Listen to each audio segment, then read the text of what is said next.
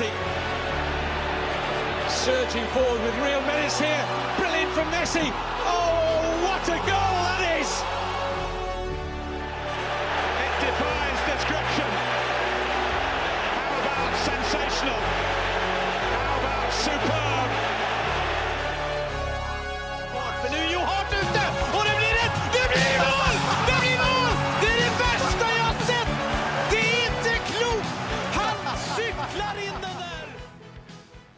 Ja, det er en glede å ønske velkommen til episode 156 av den eh, meget eh, habile fotballpodkasten 90 minutter. Eh, med meg i studio i dag, eh, som vanlig, Mats Granvold og Søren Døpker. Hallo, hallo. Hallo, hallo. Hallo. Eh, regnværet har, eh, har satt sitt støkk over oss. Ja, det har regna bra i dag. Ja, og da blir det jo vann i springen til Døpker òg. Fint å hjelpe kanskje litt på den vannkrisa i Oslo. Jeg har ikke lest noe om det i det siste, da, så kanskje hadde det vært eh, godt. Nå har det vært noen dager med litt nedbør, da. Så. Vet du hva, hvorfor du ikke har lest noe om det nå? Hæ? Fordi de driver og stjeler vann fra Nittedal. ja, det er det, ja. Mm. ja. Det var derfor jeg så det var et par karer med bøtte med vann som kjørte bortover. Et par bøtter med vann. Men hvis de, du kan jo ta fra Nitelva, da. Det, det er jo ikke vi allikevel. Nei, det, det, det er ingen som skal drikke fra Nitelva, tror jeg. Det, det, det må renses ofte. Åssen går det siden sist? Eh, Kan begynne med Mats. Alt bra? Ja, det har gått veldig bra. Jo, eller gått veldig bra, sånn rent sportslig har det jo ikke det. Vi har ryket ut av cupen og eh, gikk på vårt første tap i serien, så det har vært litt tungt. Men vi er tilbake på vinnersporet nå. Ja, Skal vi gratulere Mats med dagen? Det kan vi gjøre. Ja, så har jeg bursdag, da. Gratulerer med dagen, Mats! Gratulerer med dagen. Takk for det. Blir du 22? 29. 29. For åttende gang. Ja, på åttende gang. Ja. Vi begynner å bli voksne karer her nå, Døpker. Ja, Vi gjør vel det. Eh, Hva med deg, ja, Døpker? Du har ikke bursdag, men jeg regner med du har, eh, har det bra som vanlig? Ja, ja, det er veldig fint, det. Ja. ja, men det er godt å høre. Ikke, ikke skjedd noe i Døpkers liv. Nei, litt fotball, litt øh, Ja, litt diverse, men Mm. alt, alt veldig fint. Ja. Nei, men det er bra å høre. Um, Livet til Thomas Edvardsen, da. Jo, det eh, Uten å greie ut for mye, så går det veldig fint, det. I, skal på Åråsen i morgen. Det blir eh, moro. Eh, Derby-kamp mot Vålerenga, det, det tenker Det jeg Dupker skal på. Det blir stas. Jeg gleder meg veldig. Mm. Vi har for, forresten fått et spørsmål om det. Der, der, Derby på onsdag. Dere må ta det opp for Fagermo sparken ved tap, sier Christian Holte på Twitter. Altså, det hadde jo Altså, for det første altså, Jeg husker jo de kampene der lever sitt, uh, lever sitt eget liv. De gjør jo det. Uh, og nå er jo LSK kanskje storfavoritt, til og med, mot Oslo. Dette Vålerenga-laget som det går ganske tralt for. Og jeg husker jo i 2019 Da var det nesten omvendt før vi skulle på Intility. Og da husker jeg gruet meg voldsomt til den derbykampen, til en bortekamp, for jeg regnet med vi skulle få bank, og endte opp med å vinne 3-0. Uh, og jeg er litt nervøs for et uh, lignende utfall. eh, De i kampene lever jo litt Ja. sitt eget liv. De gjør det. Altså, gi et klart favorittstempel her, det, det er ikke noe vits. Nei, enig. Uh, men altså, på den ene siden har det vært utrolig utrolig morsomt å sørge for ved en seier at Fagermo får sparken i Vålerenga. Ja, Uh, men Det er kanskje god nok grunn til å faktisk tape den kampen. Ja, det er akkurat det. Det- det- altså, fordi- får lov å sitte litt til. akkurat nå liker jeg egentlig Fagermo veldig godt, Anai. Han er altså så så fin i den jobben. Ja, ja, den gjør det kjempebra for meg en del. Altså. perfekt. Helt fint. Jeg ble sittende nå og tenke på at ved forrige episode så kalte jeg vel alle Vålerenga-fans for idioter. Så, så jeg burde ikke, være ikke, litt ikke trekk deg på det nå. men jeg burde være litt nervøs jeg for dagen i morgen, kanskje. Men du sitter ikke så langt unna Nei, jeg gjør ikke det, ikke det så det kan, eh, det kan bli spennende. Det, det, mm, eh, jeg, jeg, det er som dere sier, den lever sitt eget liv, den der. der altså, det kommer til å være fullt trøkk. Det er utsolgt på Åråsen. Ja, Bortefelt utsolgt nå altså? Ja, i hvert fall Uh, Altså, jeg- alt, alt som kan krype og gå av, av Guleseter, er Ja, solgt. ja. Så det blir uh, ekstremt spennende. Og det, det blir nok sikkert pyro, og det blir uh... Pivo. Ja, altså, altså er det jo litt deilig at det er kamp klokka åtte. Eh, så man har mulighet til å drikke seg full. Og så er det fri Ja, dagen fri, etter. fri dagen etter. Det, det er jo egentlig perfekt. Jeg var jo på 16. mai-kamp eh, til Sarpsborg, og da var det jo forholdsvis lite tid mellom uh, slutt på jobb og kampstart. Og nå har man, har på en måte mulighet til å suge inn stemninga. stemning. Jeg er ikke noe fan av at derbyet spilles på en onsdag. Jeg syns det er en uting. Jeg syns den skal spilles på en søndag. At NFF har lagt den på en onsdag, liker jeg ikke. Men det er i hvert fall såpass seint at man har mulighet til å suge til seg den gode derbystemningen i løpet av ettermiddagen. Ja, og jeg tenker jo det at det er litt ballsy av NFF ja, å sette den opp eh, klokken 20.00 med fri dagen etter. Eh, man kan fint bli full fra fire til åtte, så det Jeg tror det er mange som benytter seg av den sjansen, så det Nei, jeg tror det blir bra liv der, og så får vi se om Fagermo ryker ved, ved tap. Eh, Ja, egentlig Er det bare et inntrykk jeg sitter med, eller, eller fyres det mindre trenere midt i sesongen i Norge enn de gjør sånn ellers? Nei, Jeg føler at norske klubber har mer tålmodighet enn de store europeiske. Uh, Det er vel Lillestrøm et godt bevis på. Vi Ja. ga oss faen ikke med Lennartson. Nei, seg, og ikke, ikke med Erlandsen heller. Han, han fikk jo fyken for å være for kjip mot spillerne, etter det som ryktes. Uh, og så husker jeg jo også at jeg ventet evig lenge på at eh, Kristinsson i sin tid også skulle få sparken. Og det er litt på godt og vondt. Altså på godt får man jo, får man jo bedre tid som trener og får bygge opp noe. Magnus Haglund uh, hadde jo en helt elendig start i LSK, men han hadde, han hadde man tålmodighet med, og da gikk det jo tålelig greit til slutt. På en annen side er det vanskeligere å bli kvitt trenere som viser seg egentlig å være ganske ubrukelige. Det er god hyppighet i Rosenborg, da. De sitter som regel ikke mer enn et år eller Ja. ikke nå om dagen. Ja, han, han som sitter her nå, får sitte òg. Eh, Didrik Tofte Nilsen vemodig at ligafotballen er over for denne gang, eh, eller er det en pause bare noe dere behøver, spør han? Litt både og, egentlig. Altså, med tanke på generell fotballinteresse er det veldig vemodig. Med tanke på Wolfsburg er det veldig greit at det kommer en pause nå. Og så er det jo veldig fint at den norske ligaen ruller jo for fullt. Så fotball blir det jo uansett. Og i juli er det jo også eh, dame-EM i England som jeg skal følge med på. Så det blir, det blir en sommer med fotball likevel. Selv om jeg savner selvfølgelig Bundesliga, Premier League, La Liga, Serie A og Ligue 1. Ja, du, du savner vel sikkert eh, Eres divisjon Ja, den gjør jeg òg. Sånn at det. Ja. Eh, nei, men det er bra, det. Jeg, jeg kan godt ta en liten pause. Jeg. Da, da, da, da blir det så mye morsommere når det starter opp igjen. Den Ja, så altså er det greit å bare fokusere også på norsk fotball, da. Mm. Jeg syns jo det er dritkult for tida. Eh, Ikke bare Lillestrøm òg, men du er litt involvert i det sjøl, så da Jojo-ligaen. Alle kan vinne mot alle der. Em, Geir Halvor Kleiva, hva er førstepremien for å vinne Fantasy-ligaen deres? Spør han en trøye, en kopp eller en sykkel, eller en åpen invitasjon til å være med i poden? Eh, vi kan i hvert fall si gratulerer til eh, Geir Halvor Kleiva. Gratulerer. gratulerer. Han tror jeg har ligget oppe i toppen der hele, hele sesongen. altså. sterkt. Ja, det er, det, er- det er, meget sterkt, og det er, det er bra nivå på det der. der. Jeg vant en del sånne interne ligaer sjøl, men jeg ble, kom helt ned på ellevteplass der, altså. Um, jeg tenker jo at premien altså, altså Fint, det er altså åpen invitasjon til podden, det kan vi jo alltid stille med. Ja, det har vært kult. Så det kan godt være en premie. Eller så, så tenker jeg en annen ting kan være en sånn trainee day med, med hvordan leve livet i praksis med Søren Døfker. det, Hæ? Det, det er en god premie! Nå har med deg Kleiva på slep en hel dag. Tenk han hadde fått mye ut av det. Det veit ikke jeg, men uh, hvor mye man får ut av, av en dag i livet mitt. da, men Så Kleiva, du kan velge. Enten uh, er du hjertelig velkommen i podden, eller så skal du få lov å følge Søren Døpker en hel dag. Det er helt opp til deg. Uh, ja, vi, det var det. Vi går videre, vi.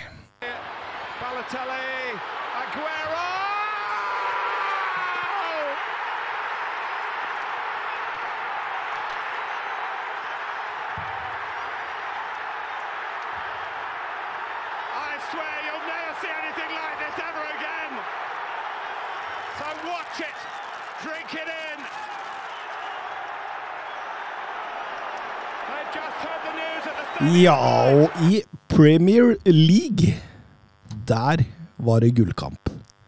Og nedrykkskamp. Og. Champions League-kamp. Ja, det, det, det var spenning over hele fjøla der, stort sett. Vi kan jo begynne med Manchester City og deres eh, oppgjør mot uh, Aston Villa. Det, det, det blei en usikkerhet en periode der. ja, det ble en stor usikkerhet. Og jeg, jeg, jeg merket det jo sjøl. Altså, jeg, jeg så jo Leif. Jeg begynte jo å se Leif City. Uh, for jeg tenkte at det er avhengig av City. Uh, hvis City går på en banan Altså City må gå på en banan på at, for at Liverpool skal uh, På en annen skal. For at Liverpool skal og, og, og, og, Alltid nedtur altså, når du går på en og etter, Det er en del av, en del av opplæringa i trainee-dayen. Det å gå på en banan. Lære seg, lære seg å håndtere en banan, rett og slett. Og, og etter 0-2 skifter jeg faktisk over til Liverpool. Uh, for at jeg tenkte ok, nå, nå Altså, den kampen som sitter jeg da, det er lite som tyder på at de kommer tilbake. Uh, men så traff jo Guardiola veldig uh, på byttet han foretok. og tok ikke lang tid, men det var spenning nesten hele veien. Det var nesten spenning i nesten 90 minutter. Og utrolig gøy at det er så spennende. Og så utrolig gøy at vi får servert en såpass stor dramatikk. Ja, og, og, og statistikken backer jo litt det du sier, Døpker her. Fordi altså, man må tilbake til 2005 for å finne sist gang City snudde en kamp de lå under med to mål eller mer. Og de har ligget under sju ganger denne sesongen, og én av dem har de vunnet. Skal vi si at De var jo litt nære mot Westham også. Da var det jo bare et straffebom Det var jo bare et straffebom under å snu det. Men det, altså, jeg trodde at City etter 0-2 de var ferdige. Det, det så ikke helt, uh, helt bra ut. Men de leda jo Premier League hele veien. Ja, de gjorde det. Mm. Ja, de gjorde det. Ja, på grunn av Liverpool ikke fikk det. Ja, fikk ikke seiersmålet før eh, City hadde snudd det. For det er jo Ilkay Gundogan som egentlig kommer inn og snur dette her. Ja, og da har man altså Med tanke på hvor mye City stanger Og igjen, den kampen viser nok en gang hvor mye City trenger en spiss. Det er jo helt utrolig. Og Gundogan han var den spilleren som tok de løpa inn i boksen som okkuperte det rommet som skulle okkuperes, og som samtidig hadde en viss fysikk til å kunne gjøre noe med de ballene som ble slått i de rommene. Han fant igjen 2020-formen i grevens tid, eh, Ja, Han gjorde det. Han gjorde det virkelig. Han er jo på rykta på vei ut uh, om dagen og sånt, så dette var nok en, en, eh, en god dag for Gundogan som Altså Han er jo så ekstremt god til å ta de løpa, så jeg skjønner jo byttet. Altså, det er jo nettopp de løpa inn i boks som egentlig kan du på mange måter si avgjør Premier League denne, denne sesongen. Men den assisten til De Brønne på 3-2 der Den, den er så nydelig. Altså, det er så høy, det er så høy kvalitet at uh... Skal vi si noe Mings i forkant òg, eller som eh, demper like hardt som han skyter? en uh, Premier League-svar på Petter Wernie. Ja, det var voldsom gavepakke han kom med der. En Mings som liksom var strålende! Fram til liksom eh, 2-1-målet til, til Gundogan der. Eh, så Kan jeg nevne én statistikk som jeg leste om Kevin De Bruyne i dag? Han har skåra 15 mål i sesongen, og han XG på 5,91. Han skåra altså over ni mål over forventning. Et par av de måla han skårer, vet du, det er jo hinsides skåringer. ikke sant? Ja. Som er XG på 0,00. mm.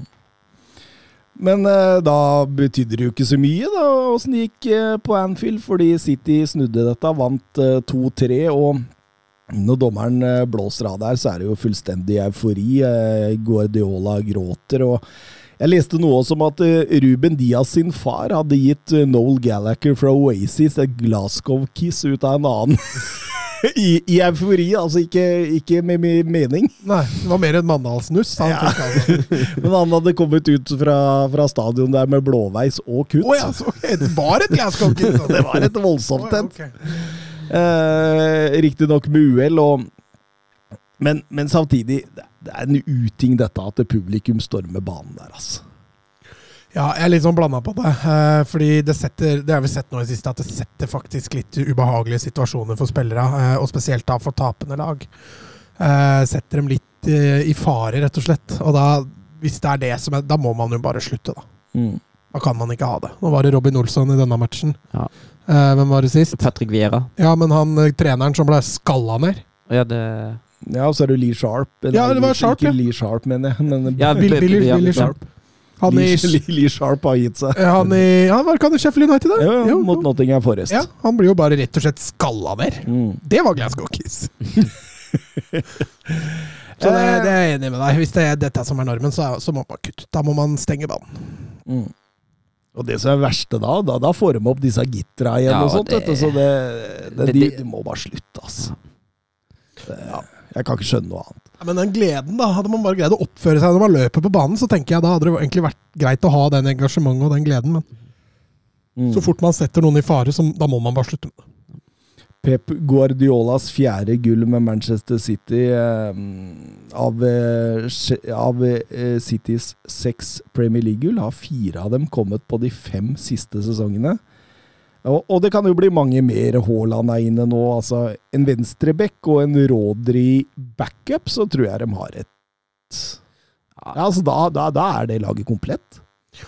Ja, de, hvis Gundogan forsvinner, så mangler de litt bredde på midten. da. Eh, så, men ja. det- Få inn Alvarez òg, så det blir ganske mye å, mye å spille på. Det, det er strålende. Jeg ser dem er linka til Cucurella og, og Calvin Phillips i disse dager. Det vil jo være to stykker som glir rett inn, tenker jeg, i, i laget. Calvin Phillips litt som, litt som rotasjonsspiller, og, og Cucurella han tar vel den venstrebekken, tenker jeg. Ja, Kevin Phillips er jo da nesten en direkte erstatter for Fernandinho, tenker jeg. Mm. Men Fernandinho så viste i denne kampen kanskje at han er litt ferdig? eller? Ja, jeg, jeg tenkte litt på det lenge, at Fernandinho han eh, Altså, han er jo Han har jo en eh, kan man si tilstedeværelse nå han av dagen som er helt enorm, men eh, jeg har oftere tenkt at nå begynner det å gå litt for fort for han, også. Mm. Mm. Og da spilte det jo for så vidt ingen rolle hva Liverpool gjorde, selv om det tok sin tid før eh, Liverpool Ja, eh, det avgjorde fikk jo dette. Verst tenkelig start av Konaté der, som ser ut som han er tolv år gammel i, i, i timing når det gjelder ball, ballbuen der, og, og får den over huet. Um, og da Det er jo skandaleforsvarsspill. Netto ble jo satt opp blank der, og da Mm. Da får jo Liverpool en verst tenkelig start. Mm. Og Wolves var jo Altså, Liverpool er jo det klart beste laget. Liverpool skaper jo en god del store målsjanser. Men jeg syns jo Wolves er jo konstant uh, farlige på overganger. Det Ja, ja. klarer de aldri helt Det å var jo planen Ja, ja. de luxe, da. Og, og, og, og, og det var på en måte det jeg fikk satt igjen med i denne kampen her. Det var liksom Vi får håpe for Liverpool sin del av Virgil van Dijk er klar til Champions League-finalen. Ja. Fordi det forsvaret med og uten Virgil van Dijk, det er, eh, det er som natt og dag. Ja, du så det var en usikkerhet der, Kon- Konaté og, og Matip. Det var, det var flere ganger der hvor de, hvor de setter offside-linja så høyt og har null innsikt i hva som skjer rundt dem. Eh, de løp jo bare gjennom så lenge timing i pasning var der, så, så ble det farlig med en gang. Mm. Men likevel, eh, Liverpool snur jo dette og vinner 3-1. Mohammed Salah eh, skårer et av målene. Han, eh, han blir jo da toppskårer sammen med Hoeng Min Son, så han tar gullballen. Eh, Sterkt gjort. Eh, 23 mål. Eh, de to siste sesongene før dette også, har toppskåreren endt med 23 mål. Wardy og Kane, så 23. Det, Magiske tall. det er det magiske tallet du må opp i for å, å ta toppskårertittelen. Um, eh, ja eh, Intervjuet med Klopp etter kampen eh, stort, eller? Når han ser inn i kameraet og sier Vet du hva, dette var vel fortjent. Pep Guardiola, Manchester City, dere er Jeg, jeg tror det er noe han har kunnet planlegge å si. mm, Fordi han var vel forberedt før match at sannsynligheten for at dette går er ganske liten. Ja. Og da bare tenke at ok, vi må være store nok etter matchen til å si at dette var fortjent. Og det var det jo. Eh, så City fortjener dette seriegullet. Det var ikke langt bak Liverpool. Altså Liverpool må jo være et av få lag som har passert 90 poeng to ganger og ikke vinner begge ganger. ja, den er tøff. Så det, det er nok litt slitsomt. eh, men, men eh, ja. Men så- Eh, Stort da, selvfølgelig Klopp, og, og gratulerer. Ja, stort. Og nå, nå har vi jo uh, har vi jo kritisert den litt for oppførselen etter kampen, og det ikke har gått hans vei. Da kan vi jo også rose den litt når han faktisk eh, oppfører seg sportslig. Men Det, det gikk jo hans vei allikevel, da. I kampen, liksom. ja, i kamp, ja, men sluttresultatet var ikke helt det han hadde ønsket seg. Nei, det skjønner jeg, men hadde de tapt, hadde han fortsatt det, det, det er liksom det som er spørs. Sitte der og furta etter kampen. Så, så tenker jeg at det, det forholdet mellom Klopp og Guardiola det er jo prega av gjensidig respekt. Det er jo to fotballtrenere som uh, jeg tipper og ser for meg, i hvert fall ut ifra det man har observert, da, som virkelig respekterer hverandre som absolutt, Mm. absolutt gode opponenter. Helt, helt Liverpool fikk Carvalho til slutt. Ja da.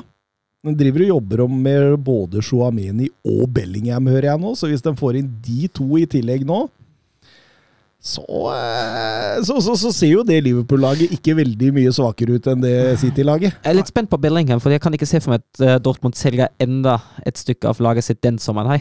Nei, jeg, jeg, vi har vært inne på det. Jeg er totalt enig med deg, men uh, altså, penger gjør alt, det. det veldig ofte. Ja, da må, må tilbudet virkelig være hinsides. Ja, det tror jeg òg. Jeg tror det må ganske høyt opp. Men samtidig så linkes også Sadio Mané til Bayern München, så Mm. det, det kan jo være en løsning. Um, Oskar Carveio Holm føler lørdagen definerer Liverpools sesong. Eh, vil det med tap mot Real Madrid fortsatt karakteriseres som en fantastisk sesong? Ja, det gjør det jo. Ja, men jeg skjønner samtidig følelsen hans. For nå har Liverpool vunnet to titler, men har hatt sjansen på to til. Og de to til det er for det første av de to viktigste, eh, serien og Champions League. Og for det andre er det de to siste som deles ut. Å vinne de to første og ikke få de to siste. Man går jo litt som en liten bismak i sommerpausen. Jeg forstår, jeg forstår tankegangen eh, veldig godt, men jeg er også enig med deg at ja, Liverpool har hatt en fantastisk sesong. Altså, hvis, hvis de skulle tape Champions League-finalen, da. Vært fryktelig nære begge steder. liksom. Mm. Sånn. Det er ikke mulig å komme nærmere og ikke vinne. Ja, ikke sant? Og, og, og på, når man kommer på dette nivået, og i dette på en måte, la oss si en finale altså Det blir veldig mye marginer veldig ofte. Mm. Og marginer kan man til dels styre, men man kan ikke kontrollere det. Så, så, så, så alt på en måte kan skje. og det, 38 kamper pluss plus cupspill og, og, og levert på det nivået Liverpool har gjort eh, denne sesongen. Det, det går ikke an å si noe annet enn at dette ikke har vært en fantastisk sesong. Og så ser jeg helt klart poenget der, at det går du glipp av de to store de, de to største og viktigste, så er jo det Du sitter nok med en bismake der, det gjør du helt sikkert, men eh, jeg syns nå de skal være fornøyde med det som har blitt levert. Ja, det syns jeg òg.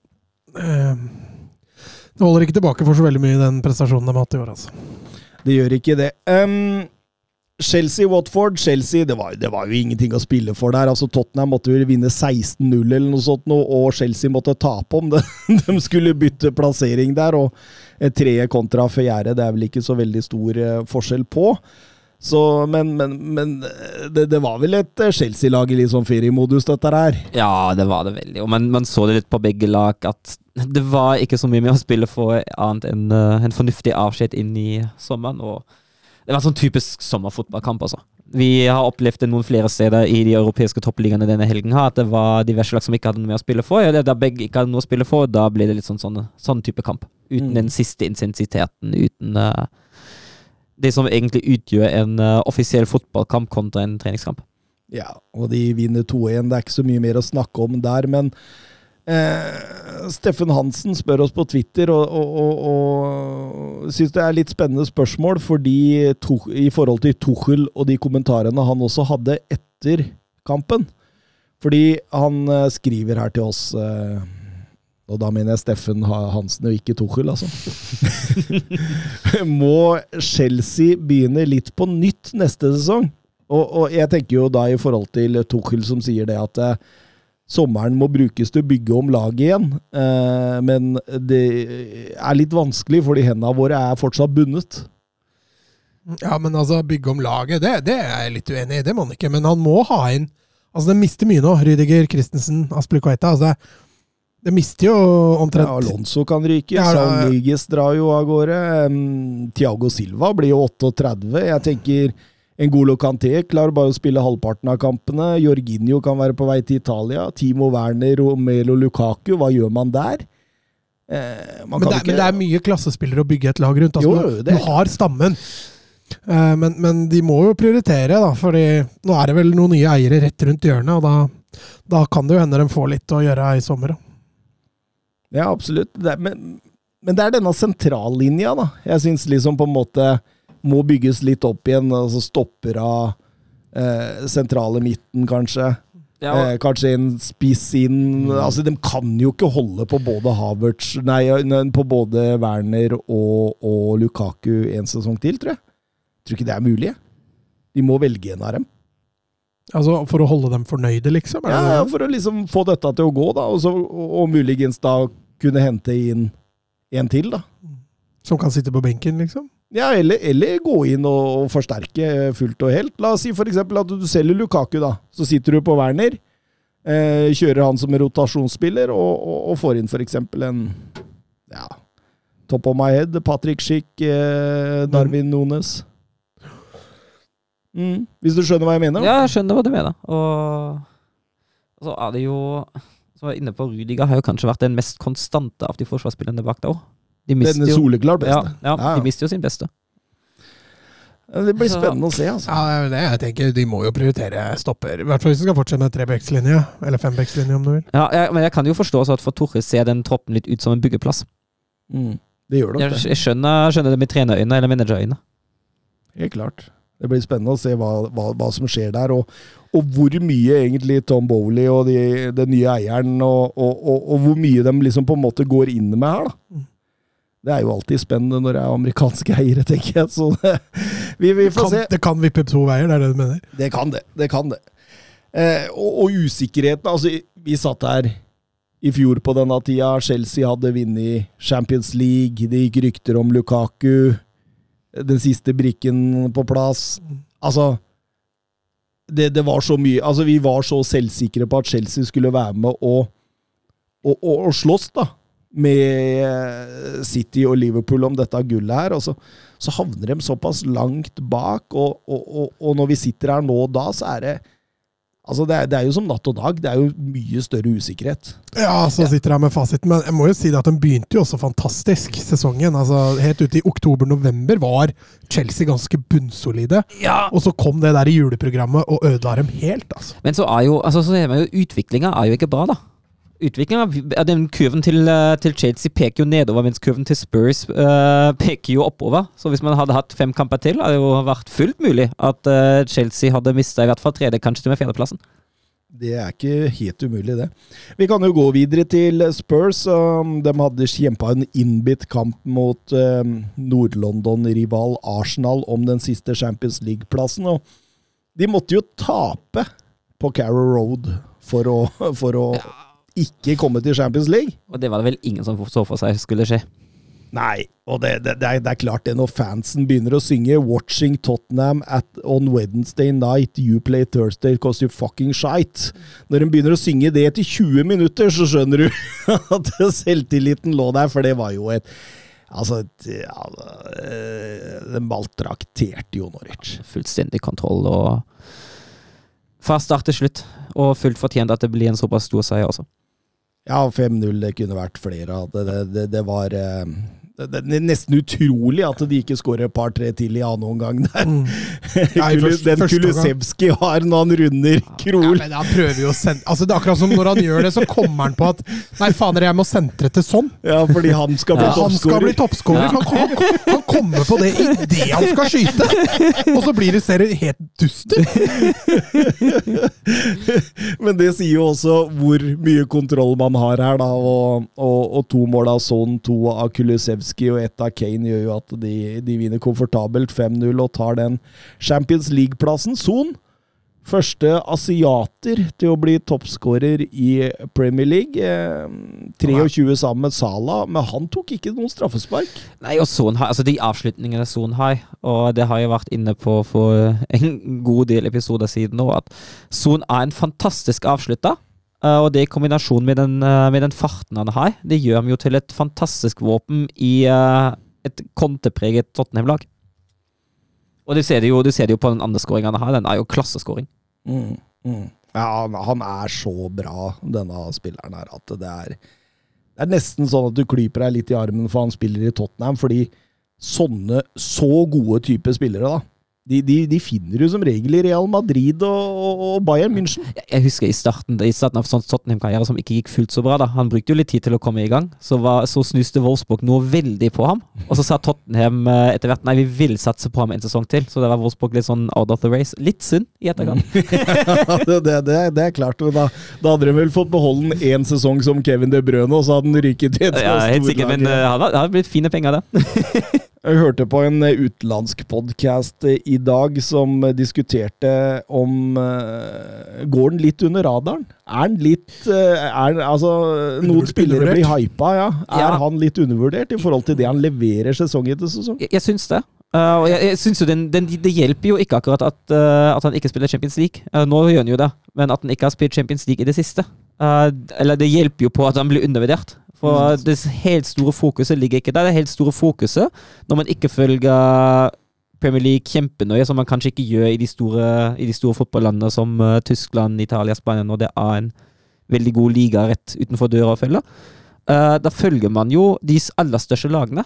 Mm. Og da følger man den tittelkampen mellom eh, Liverpool og City, og da er det veldig lett for en spiller som sånn å gå under radaren. Og jeg syns jo absolutt han gjør det. Jeg syns han er undervurdert. Men, men det er også lett, han. han høres det litt flåsete ut, men når han spiller for Tottenham Fordi Tottenham har hatt en fryktelig opp- og ned-sesong denne Mm. sesongen. Altså, under eh, Sant, uh, Espirito Santo, så Tottenham var jo elendig. Ja, ja. Og da var jo verken Son eller Kane var jo ingenting. Og så plutselig får de en hopp, og da var han plutselig god. Og så hadde Conte en down-periode også, og da var han jo lav igjen. Så eh, det går jo litt opp og ned, men sånn på sitt beste når det glir for Tottenham, er jo en vanvittig underholdende spiller å se på.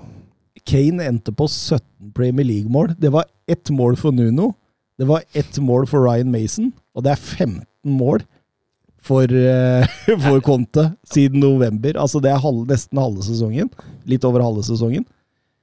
Det, det viser jo hvor mye Han spilte vel ikke så mye i starten under Santo? gjorde han det? Jo, jo. Spilte jo hele tida, men beina hans var Ja, var slitne ikke form, sånn var det, ja, ja. og City, hodet var i City, tror jeg, så det var, det var ikke Ja, og i, i tillegg er jo Kane en spiller som han trenger i hvert fall en form for fungerende eh, offensiv plan rundt seg, og et taktisk konsept som passer. Eh, og det har Conti i aller høyeste grad, men den hadde jo Nunia Spirito Santo egentlig til ingen tid offensivt.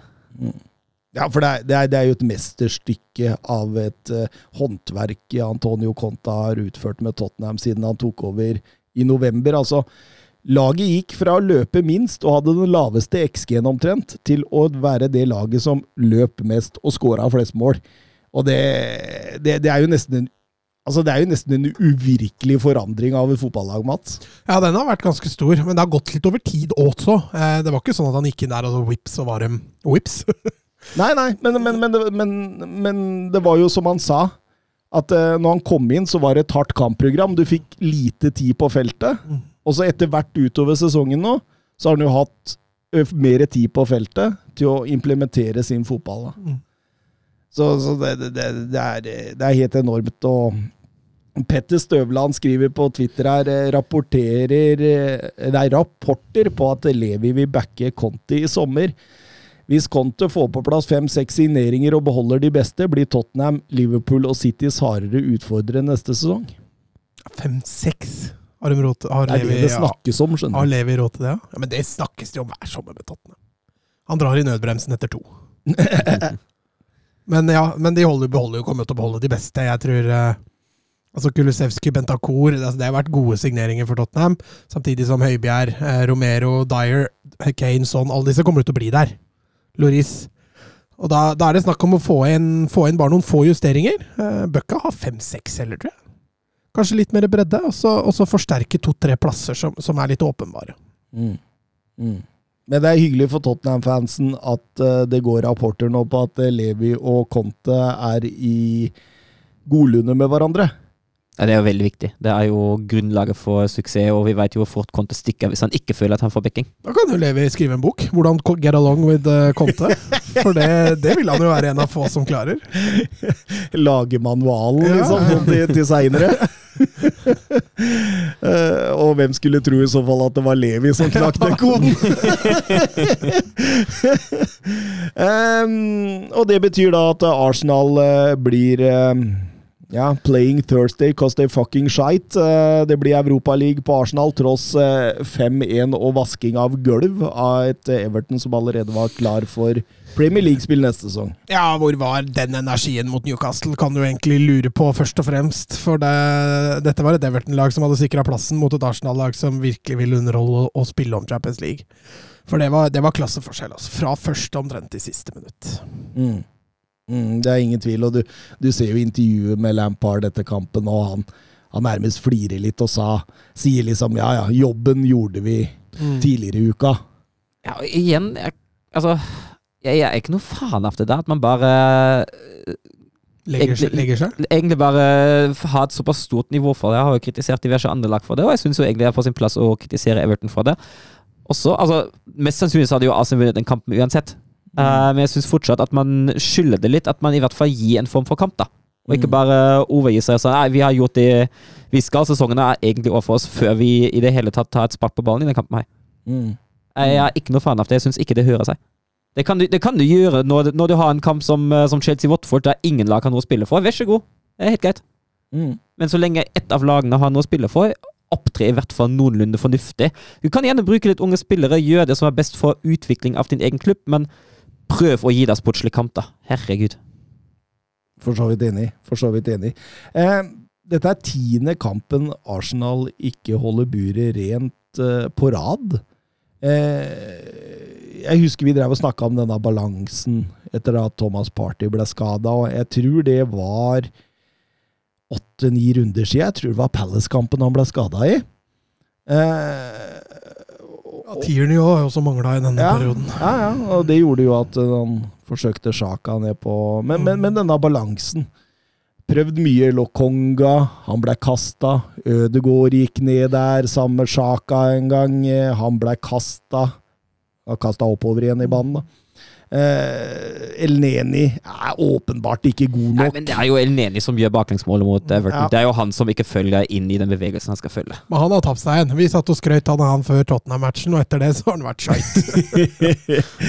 men, men han er jo ikke god nok, så det, så, så, så, det, det kan godt hende den Thomas Party-skaden kosta litt ekstra. Mm. At det kan ha kosta Champions League. Det kan godt hende. Og det kan fort hende at det er da Arsenal ser først og fremst forsterkningsbehovet nå uh, til sommeren. Det bør jo komme litt, bredde, litt bedre, bedre bredde inn i den standen. Mm. Samtidig som jeg syns Arsenal-fansen også kan stikke fingeren i jorda. Det var ikke mange, uh, tror jeg, som hadde de på topp fire før sesongen. Denne sesongen her har de utvikla seg. De har et ungt lag som på mange måter spås en lys fremtid. Altså en Ødegård som bare leverer uke etter Det uke. målet, Nå- det målet der er, det er, det er klasse. Det er klasse. Nå, nå var det sist Arsenal gikk såpass positivt inn i en sommer. Jeg husker Nei, det- ikke. det- det jeg husker ikke. Altså, få på plass en skikkelig nummer ni der, og litt mer bredde, så er Arsenal å regne med oppi der òg, altså. De har vist nå høyrebekken er grei. Stopper av hvis de greier å holde Gabriel og White skadefri, så er det bra. Nå får de jo Saliba òg tilbake. Han har jo vært League klart beste midtstopper denne sesongen. Og så må de få en backup til Tierney, for han er jo skada altfor mye. Og så bør de få en backup inn på en av de to dype. Da Mm. begynner Arsenal å nærme seg. Altså. Mm. Jeg er helt enig, og det da ser plutselig et Arteta-prosjektet ganske bra ut, Mats. Ja, jeg, men jeg har vært positiv hele tiden. Ja, det er vel vi Det er vel Dupker og Edvardsen her som, som sitter og skylder Arteta en unnskyldning, i så fall. Men, men vi får stå i det, Søren. Skal vi gjøre det? Nei, nå syns jeg det har sett bra ut den sesongen. og Jeg kan ikke lyve på det. Ja, du vingler, du. Vi går videre til eh, Vi må jo snakke litt om Manchester United, også, som tapte 1-0 mot eh, Crystal Palace. Det har vært grusomt, altså. Nekter å tro at hvis de hadde beholdt Solskjær, at dette hadde gått dårligere, i hvert fall. Det kan de ikke gjøre. Det kan de ikke gjøre. Og jeg tenker jo liksom 1-0-målet til Palace det oppsummerer Manchester United denne sesongen, når de har innkast på egen banehalvdel, og Bruno Fernandes lukker øya og banker den mot eget Ja, men han ville ha sist igjen, da. Ja, ja, ikke sant? Og, og, og Dalot ser jo ut som en liten juniorspiller i forhold til Sa i fysikken der. Bare dytter han unna, tar et par steg og bare triller han i hjørnet. Og det Altså Det må være tungt å være Manchester United-supporter. Altså, nå blir de redda. Altså, De får Europa League, eller så har det vært Conference League. De blir redda av Brighton. Av Brighton slår Westham her. Ja, hadde det snudd det der og Westham hadde vunnet, så hadde de gått forbi, og da hadde det blitt uh, Conference League på United. Mm, helt klart. Og, og, og dette er den laveste poengsummen de har hatt siden 1990-1991-sesongen. Det er før Premier League. Det, det, det er det. Og, og, og så tenker jeg litt videre. David Egea. Vært stor denne sesongen. Spesielt første halvdel var han jo enorm. Eh, tenk hvis han hadde hatt en helt ok middelsesong. Da tror jeg vi fort kunne lukta på 10-12.-plass. Altså. Mm. Så- Etter hvert som denne sesongen her har skredet fram, og storspillere som har skuffa i år, da, så har jo United de har jo bare et middels lag. Helt klart. Helt klart. Altså, Altså, Bruno Fernandes har vært så dårlig denne sesongen som han har vært Eller dårlig er kanskje å ta i, men, Ja, men, men, altså, men, men, både i tall og i present på banen, så, så, så mener jeg jo helt klart at Bruno Fernandes Han er jo en helt annen versjon. ja, Og Maguire har jo bare blitt dårligere og dårligere eh, denne sesongen. Og, nei, det er et lag som egentlig hører hjemme, kanskje litt over midten, sånn som det ser ut akkurat nå. Eh, Rashford har ikke levert, Sancho har ikke levert. eh, den Ronaldo ja, sentrale midtbanen ja, deres er er borte. Eh, Pogba driver og tuller med det samme som han alltid har Nå er han vel så å si klar for Juventus, er det ikke? jo, jeg tror det. Tror det. Er Det, det er litt gøy. Det er litt déjà vu, er det ikke? Jo. Andre gang han går gratis fra United til Juventus. Går et par år, da, så splatter United 800 millioner og henter Pogba igjen. Det er helt nydelig. Ja, Pogback version 2-0. men, men, men, men Oh, det, er, det, er, det er Til og med jeg syns litt synd på Manchester United-supporterne, fordi det, det, det er jo Altså, det eneste halmstrået de står og holder seg i nå, det er at Erik Den Haag skal klare å, å, å, å snu dette her. Da vil de jo Men altså eh, Nei, jeg veit ikke hva jeg skal si. altså. Og, og, men, men, men altså Erik Ten Hag altså, Han vil jo få en voldsom jobb. Altså Denne spillergruppa her må jo renses noe voldsomt i. Mm. Ja. Det, der snakker vi i hvert fall byggeplass. Altså Hvis Toril snakker, snakker ombygging, så vet jeg ikke hva dette har. Rive ned og bygge nytt, altså. Altså Erik Ten Hag han kan ikke tenke engang på topp fire før han får begynt å, å virkelig rense opp i denne stallen her, og, og mange må fjernes. Ja. Og der tenker jeg jo altså, Når vi snakker om at nei, det hadde nok ikke gått nødvendigvis noe dårligere under Solskjær, men den troppen han har etterlatt, har jo vært helt skandale. Den troppen Solskjær har satt sammen og etterlatt sin etterfølger, det har ikke vært noe bra. Ja, men er, er er, troppen, er troppen så Jeg er litt uenig, fordi Nei, den spillergruppa, da. Ja, ja det, synes- det er jo det, det, det jeg mener, da. For Vi satt jo her før sesongen og sa nå mangler den bare en sentral midtbane. Mm. Så er de bra, liksom. Ja, men Og så altså, når sesongen nå er ferdig, så sitter vi og sier at Ja, men troppen er jo Altså, navnet av troppen, det de har vist, altså meritter, det er jo godt nok. Altså Nei, men det, det, det er ikke nødvendigvis det jeg tenker på. Jeg tenker på den mentaliteten som Solskjær har gitt det laget deg i tre år. Det jeg, jeg mener at det er det som har vært med å forgifte den United-troppen. Den ja. innflytelsen da har ikke vært bra, for jeg kan ikke se for meg at Solskjær er en trener som har stilt like store krav som Men- men- andre trenere gjør. Men jeg tror det har begynt lenge før Solskjær. Ja, men Solskjær har tror, det bidratt sin del, altså. den, jeg tror det begynte den dagen da Alex Ferguson trakk seg. Eh, så jeg vil ikke legge det på Solskjær sånn eh, ene og alene, men Nei, ikke ene og alene, men han har bidratt sin del, altså. Han har det. ja, altså, jeg, jeg har jo aldri vært Solskjærs største fan, jeg. Det, det må jeg jo innrømme. Eh, men men eh, vi fikk et spørsmål der fra um, FPL Pelicano. Eh, hvor høyt transferbudsjett kan man vente til en Hag får leke med? Jeg har sett alt fra 100 til 200 millioner euro. Og hvilke spillere er realistiske targets med tanke på budsjett og mangel på Champions League? Men her også går det jo litt på hvor mange United selger, og hvor mye Mm. de får når de selger. For hvis det er 200 millioner, så må jo det være inkludert spillersalg, tenker jeg da. For de har jo kjøpt én storspiller i året, på en måte, etter at Solskjær kom inn. Så har de liksom henta ut én, og så har de kjøpt noe, noe smått ved siden av. Men, men her må de jo slå litt på stortromma. De må selge sju-åtte spillere. Kanskje de får inn 100 millioner da, for de sju-åtte, for det er jo brukbare spillere. Eh, og så må de jo begynne å, å kjøpe, da. Mm. Jeg tenker først, øh, Nå har vi nevnt hans navn ofte, men første alternativ som må inn, er Declan Rice.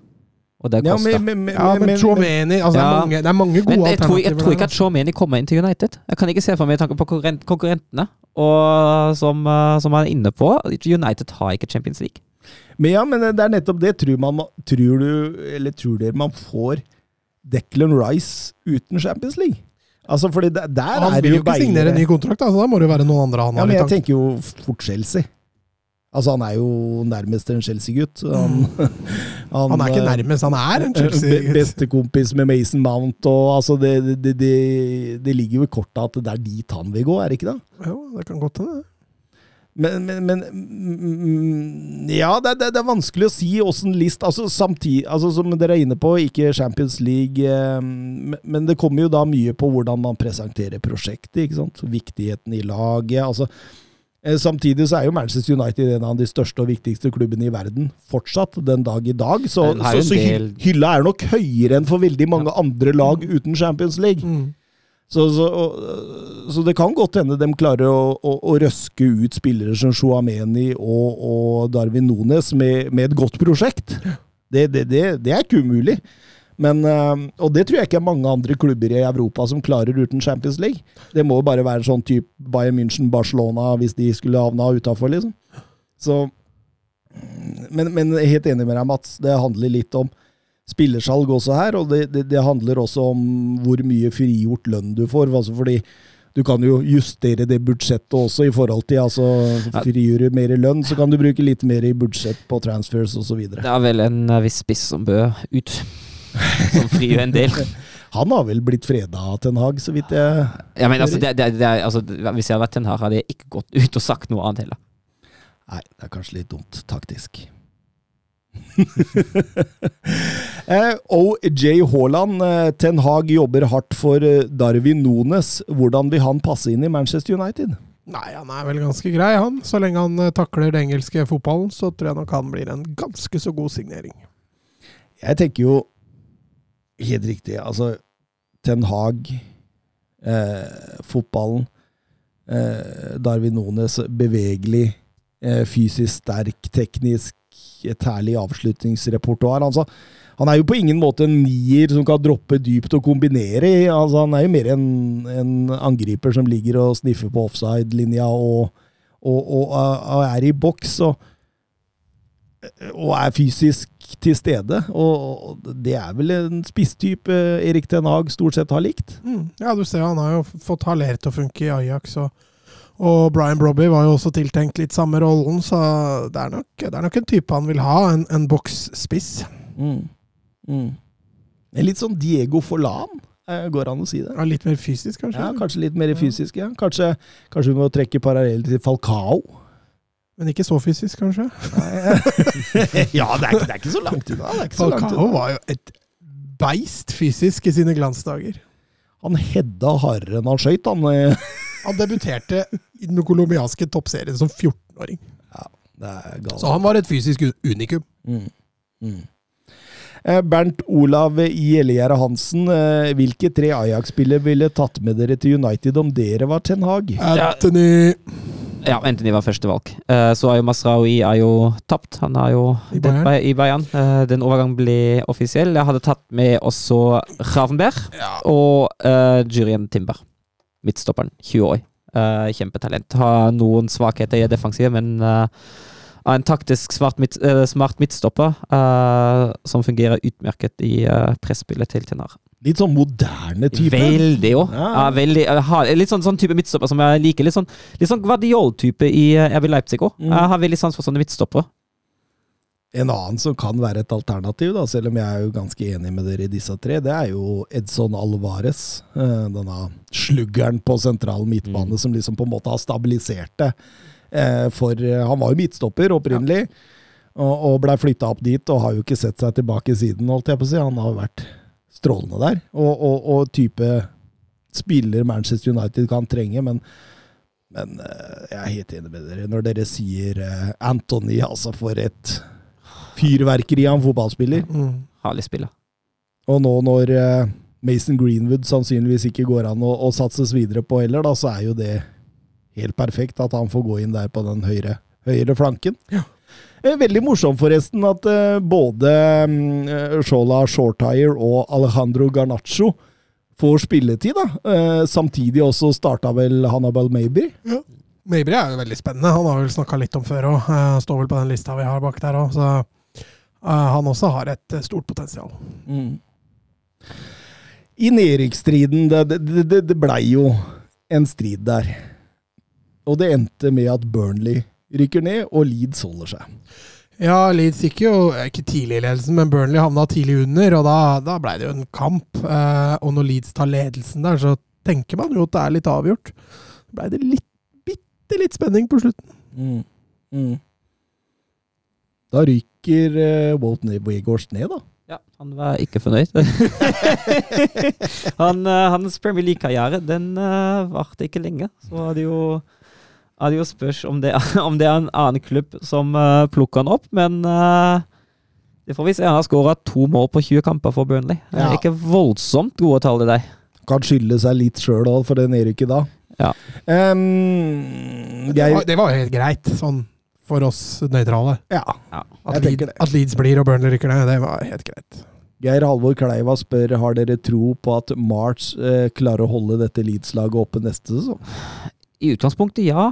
Uh, jeg anser Altså, March var mislykka i eh, Leipzig. Hadde riktignok store sko å fylle, men jeg tenker jo i utgangspunktet at hans filosofi kan fungere godt, og jeg tipper jo egentlig altså Nå har han jo vært i Salzburg, alt det, men jeg tenker meg jo egentlig at den filosofien han har, også passer godt et lag som ikke nødvendigvis trenger å skape eh, eller styre kampen hele tida. Eh, den pressing- og gegenpressing-filosofien som han har, egner seg jo egentlig perfekt med tanke på å komme litt fra en posisjon der man ikke har ballen hele tida. Og så må man huske på at Fulham skal rykke ned. Så det er jo bare to plasser igjen. Mm. Mm. Og så er jo egentlig den stallen som Leeds har, passer jo egentlig ikke altfor dårlig til uh, Marchs prosjekt heller. Vi får se hvor mange de greier å beholde, da. Ja, det er noe med det. Rafinha Ja, Rafinha og Kelvin Phillips, Phillips, er vel sterkt rykta ut. Uh, Så ikke ut som Rafinha hadde så lyst til å dra med det første, etter de bildene. men ha, dem har vel, det er flere her som jeg tror har hatt eh, tankene sine i championship neste år. Altså. Ja. Så når det da plutselig blir Premier League, så er det klart det blir en det blir et utslipp av følelser der. Rafinha sto oppe med supportere og jubla der. og Herlig bilde. Fantastisk, fantastisk. Og gikk eh, på knær. du så den nå, Ja, eller? jeg så nå. Ja, herlig. ja, han, eh, det så ikke ut som han eh, var interessert i å dra til Barcelona for 25 millioner euro, for å si det sånn. Nei, Det blir ikke 25 millioner euro lenger heller, så. Nei, det var det jeg mente. At eh, det kunne jo han godt sikkert tenkt seg hvis det, det var så, men um, Nei, det er ikke noe Da, da får vi avslutte Premier League, da.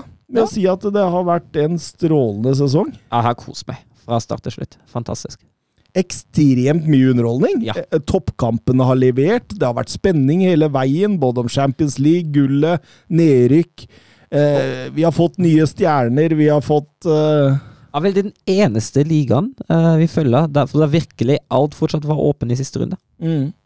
Og det er jo et eh, kjempestyrketegn, så uh, vi har Ja, kost så er det jo ikke ofte man rykker ned med 35 poeng heller. Nei, det er ikke det. Det er ikke det, så det, det, det, har, det har vært en kamp, en battle, rett og slett, for å holde seg der. Og Men du ser også at uh, lagene bak egentlig tredje-fjerdeplassen har færre poeng enn de pleier. da. Mm. Det er tydelig at båndlaget har tatt litt mer enn det Eller i hvert Mm. fall de i nedre halvdel har tatt litt mer enn de i øvre halvdel pleier å ta. Ja, altså så hjelper det jo ikke at du er to lag med 90 pluss på topp. Nei da, de vinner jo stort sett hver kamp, så Ja, absolutt. Eh, og så, så blir det spennende å se da på de laga som liksom på en måte ligger i sjiktet bak den der orga, org, originale topp seks. Altså, det er jo alle lag som liksom satser hardt nå for tida. Newcastle, sånn som de kommer til å fortsette. Westham har jo fått vann på mølla. Leicester sier Bright- at de vil være med. Brighton uh, under- Potter har jo spilt strålende fotball nå mot slutten. Uh, Wolverhampton er vel ikke helt avskrevet. Er ikke helt avskrevet. Eh, Aston Villa har et prosjekt på gang, med rike eiere. Så, så, så, så det er mye der, altså. Det er spennende. Det er gøy. Jeg gleder meg til neste sesong. Og Det- tenk om vi får Nottingham Forest opp, da. Det hadde vært moro for Martin. For Martin. Tenk deg alle de andre òg, da. Alle de andre Martine. Ja, alle de andre Martine. Vi går over til La Liga. Ja cap a la dreta per Xavi, assistència de Xavi més cap a la dreta per Messi, Messi, Messi, Messi, Messi, Messi, Messi, Messi, immens Messi, encara Messi, encara Messi, encara Messi, encara Messi, encara Messi, encara Messi, encara Messi, encara Messi, encara Messi, encara Messi, encara Messi, encara Messi, gol, gol, gol, gol, gol, gol, gol, gol, gol, gol, gol, gol, gol, gol, gol, gol, gol, gol,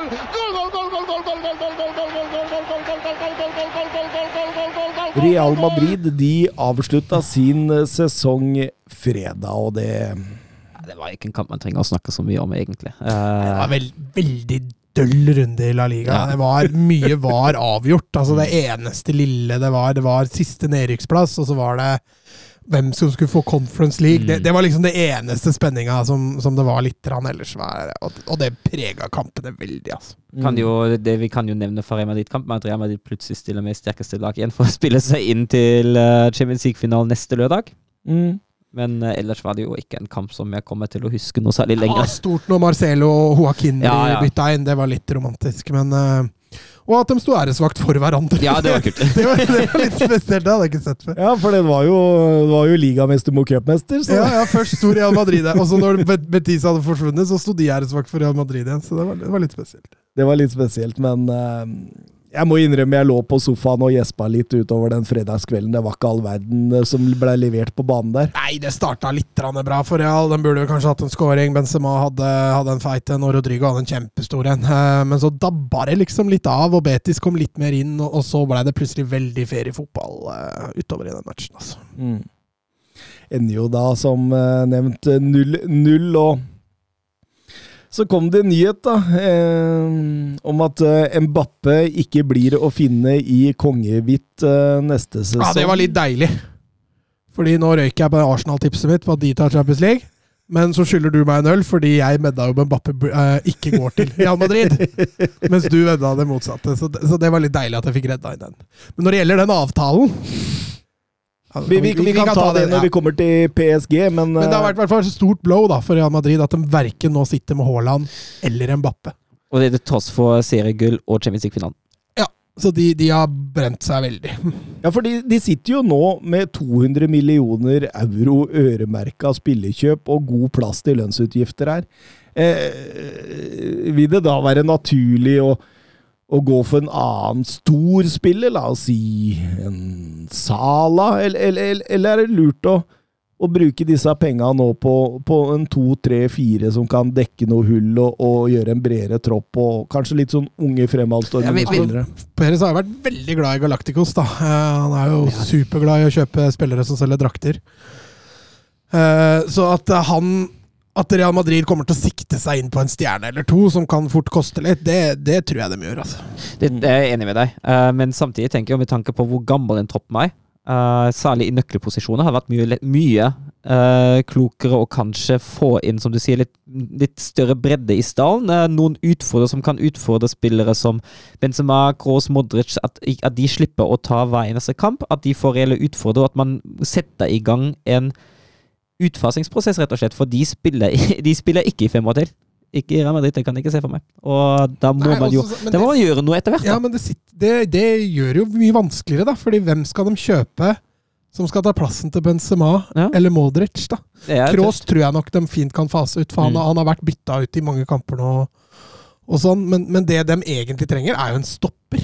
Ja, Har han ikke fått inn Rydiger nå? Jo, han er vel så å si klar, eh, så det, det hjelper jo veldig på, men det blir spennende å se åssen han gjør i en toer bak, da. Mm. det, Eh. det er helt klart. Det snakkes også om Raheem Sterling. eh, Ja, det, det er lov å krysse fingra at de begynner å kjøpe litt sånn halvveis avdanka spillere. Mm. Det hadde vært helt gull, faktisk. Det er det Barcelona driver med i mange år. Kjempesuksess. så det, det veit vi fungerer i Catalonia, i hvert fall. Kjør på, Perez, kjør på! Så Adama Traoré i helga, det gikk jo kjempebra, det. Banens beste for Villarreal. Ja, vi kan gå over til den. eh, Barcelona via Real, der eh, Ja, altså Barcelona hadde jo sikra annenplassen, og sånn sett ikke så mye annet å spille for enn heder og ære, men, eh, men Ja, Villarreal hadde jo litt å spille for, da. Ja. For de trengte jo Altså, de måtte jo spille for denne Conference League-plassen. Eh, det er klart Bilbao hadde en vanskelig bortekamp mot Sevilla, men skulle Bilbao vinne der, så måtte jo Villarreal slå Barca på kamp nå for å beholde den sjuendeplassen. Mens for Barcelona så hadde de jo bare glitter og, og Glamour. ja, å spille for. Og det gikk jo heller bra, det, for det laget som valgte å spille. Mm, mm. For Barcelona var vel mer eller mindre avslått i denne kampen? Ja, fy flate, det var feriementalitet uh, de luxe. Det begynte ok, de hadde grei kontroll på matchen, følte jeg. Og så utover kampen så bare gadd de ikke mer. Mm. Det er mitt inntrykk òg. Og, og, og når Adama Traoré begynner å servere via realspillere der altså, det første goalen altså, det, Daniel, altså, det, er sånn der, det lærte jeg helt i starten av karrieren min, og jeg var ikke forsvarsspiller engang, at Beck skal ikke foran stopper og presse. Nei. Der flyr Daniel Alves og surrer før 1-0-goalen. Åpne rommet Det der, er fullstendig åpent for Pedraza, som raser nedover og kommer aleine med keeper der. Og så 2-0-goalen, da, hvor Adama Traoré først gjør egentlig en god jobb når han vinner ballen tilbake, og så bare kliner han den ballen inn i Deilig 45 ut! Klinker den ballen inn 45 der. Og derfor må Gomez all verdens ha tid til å sikte og, og score. Så nei, det var bare komisk, faktisk. Hvem sin assist var best? Rune Fernandes sin eller Adama Traoré sin? Eh, Adama Traoré. Ja. Den er, den er ferdigskåra. Men eh, Barcelona har tapt hele fire kamper hjemme denne sesongen. Man må tilbake til 2002-03-sesongen for å finne like mange, og til 86-87-sesongen for å finne flere hjemmetap i løpet av en sesong. Altså, Spotify Camp Nou er ikke noe, er ikke noe fort ennå, Mats. Nei, men det er ikke Spotify Camp nå ennå. Men når det blir Spotify Camp nå, da blir det søt musikk på den arenaen. Det er jeg ganske sikker på. Ja, det er mye dårlig på Spotify òg, Mats. Ja, ja, sånn sett så reflekterer det veldig bra, ja. Det er helt riktig.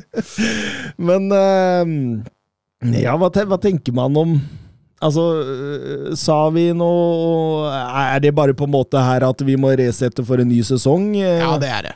men så ser man jo hva som er på vei inn, og, og nå er Marcos Alonso rykta, og de er i gang igjen med å hente piss. Og da mister man jo litt sånn Det er ikke noe gøy.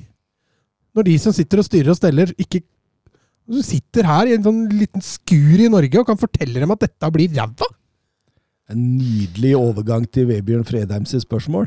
Barcelona virker jo helt hjernedøde på overgangsmarkedet. Ja, du kan stoppe der. Er det ikke på tide å bli kvitte seg med Rask, og ikke hente mer gratis Rask? Få kontroll over økonomien og heller bruke akademiet? Ja, og da tenker jeg altså, det er jo en ond spiral, for når du henter sånne spillere som Marcos Alonso, Pierre-Emerick Aubameyang og diverse som har null videresalgsverdi, da får du ikke bedre kontroll på, på økonomien heller. Du må jo oppfostre spillere som du kan hente litt grann billigere og selger litt dyrere. Så blir det jo bedre etter hvert. Og hvis, da, hvis du da får en, eh, en to-tre sesonger uten at du egentlig har et ord å si i tittelkamp, men kommer ut av det som en ny klubb altså det er jo et offer som man bare må ta. Ja, og, og så er det sånn at Man henter jo da Frank Kessi gratis, og så skal man da selge arvesølvet i Frenkie de Jong og, og Ricky Pooch. ikke sant?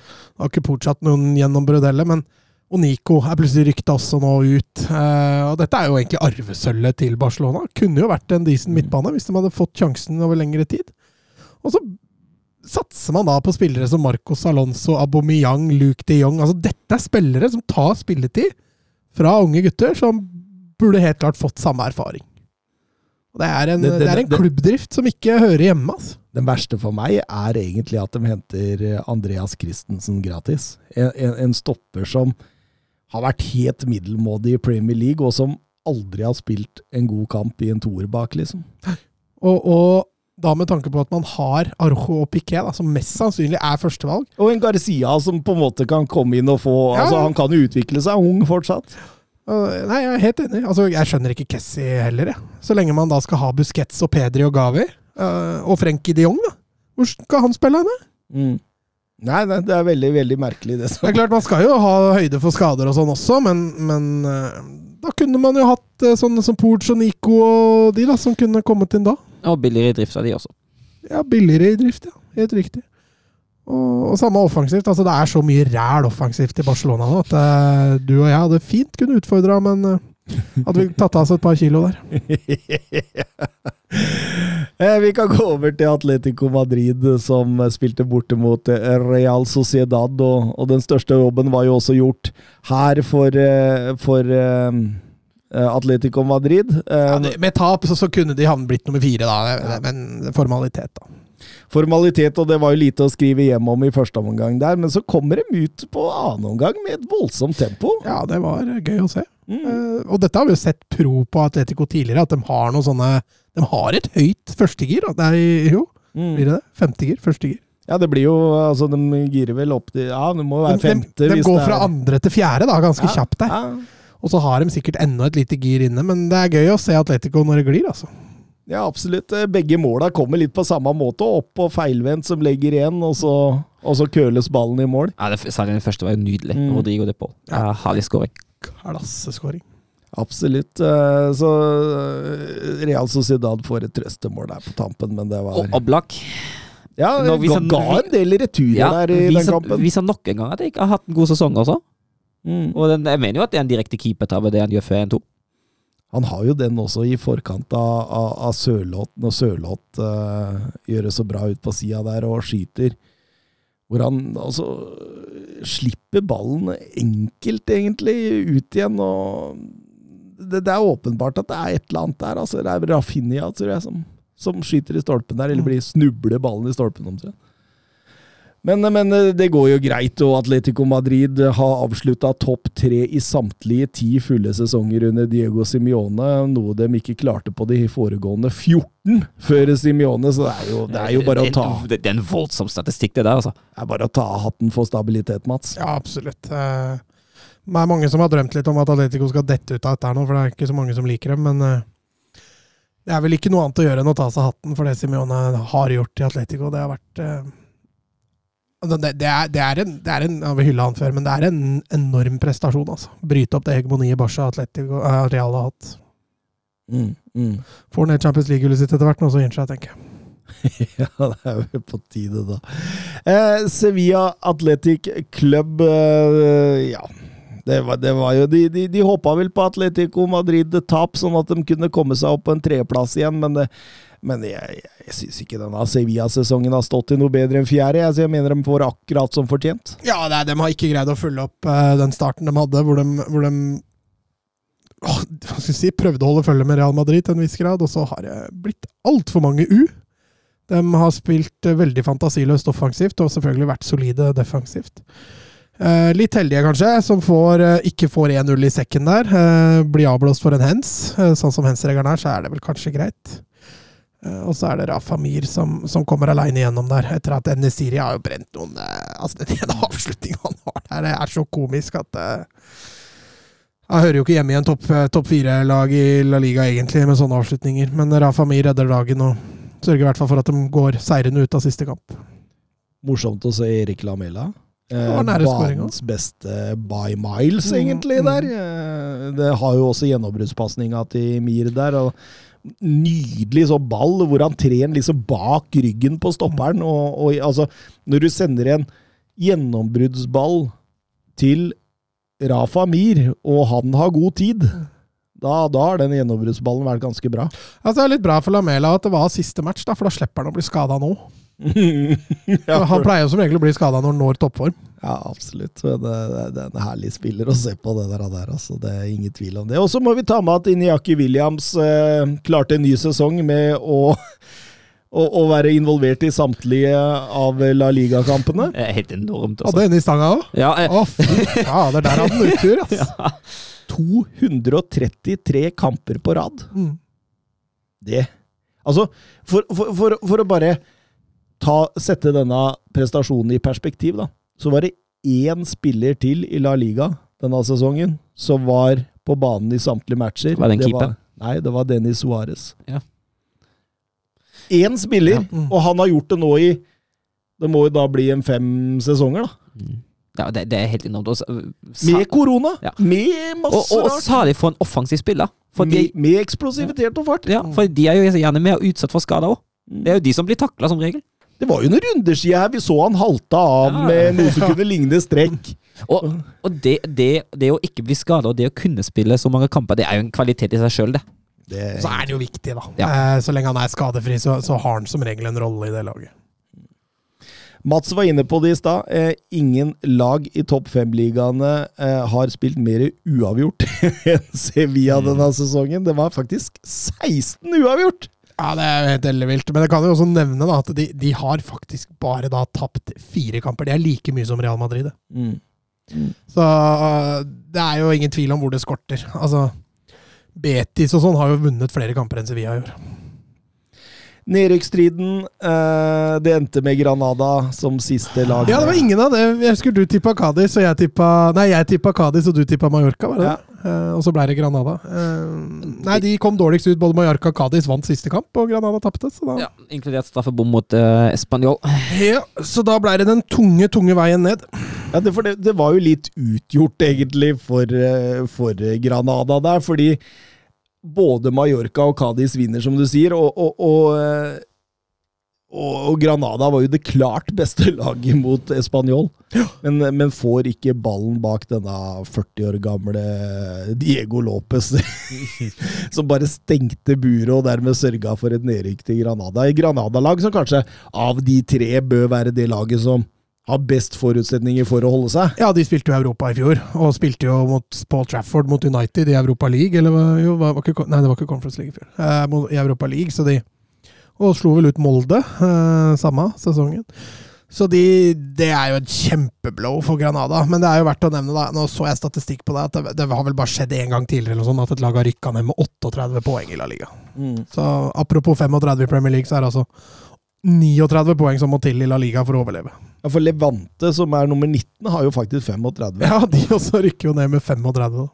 Alaves 31, så det har jo vært Men, men i England, da, hvor du har City og Liverpool på par og 90, så har du Real Madrid som vinner med 86. Så er og bak- Og bak der så må du jo Så er det jo Ja, men det er jo veldig er- det er nesten 15, prosent, eh, 15 poeng vet du, fra plass nummer to til nedrykk. Ja. Så det er jo utrolig jevnt eh, bak der, da. Ja, nei, men det Vi har vel kosa oss med La Liga denne sesongen år. Kanskje litt mindre i forhold til Ja, det har underholdningsverdien. vært, litt, det har vært et uh, hakk ned sånn underholdningsverdimessig, men jeg føler jo når du ser i Europa, så har jo Spania hevda seg overraskende bra, da. Men jeg, jeg så en uh, skåringsstatistikk på de fem store, og da lå La Liga sist. Uh, på rene skåringer. Bundesliga lå nest sist på rene skåringer, Uh, men Bundesliga har jo en god del kamper mindre, eller færre, enn eh, alle de andre.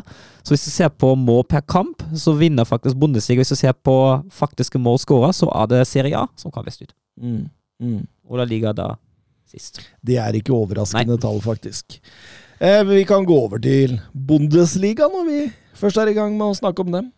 Er macht ein richtig gutes Spiel. Jan Schimonek.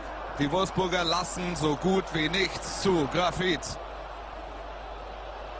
Grafit gegen Lell. Jetzt wird's eine Demütigung. Guckt euch das an. Bist du verrückt? Bist du verrückt? Tor des Jahres. Die Bayern der Lächerlichkeit preisgegeben.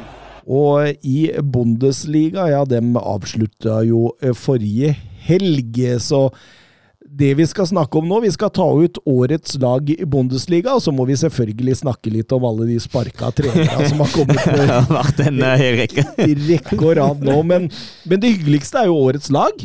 Eh, vi regner med alle har gjort hjemmeleksa og fått noen nominerte, så prøver vi å komme oss fram til et eh, samla 90 minutter-lag.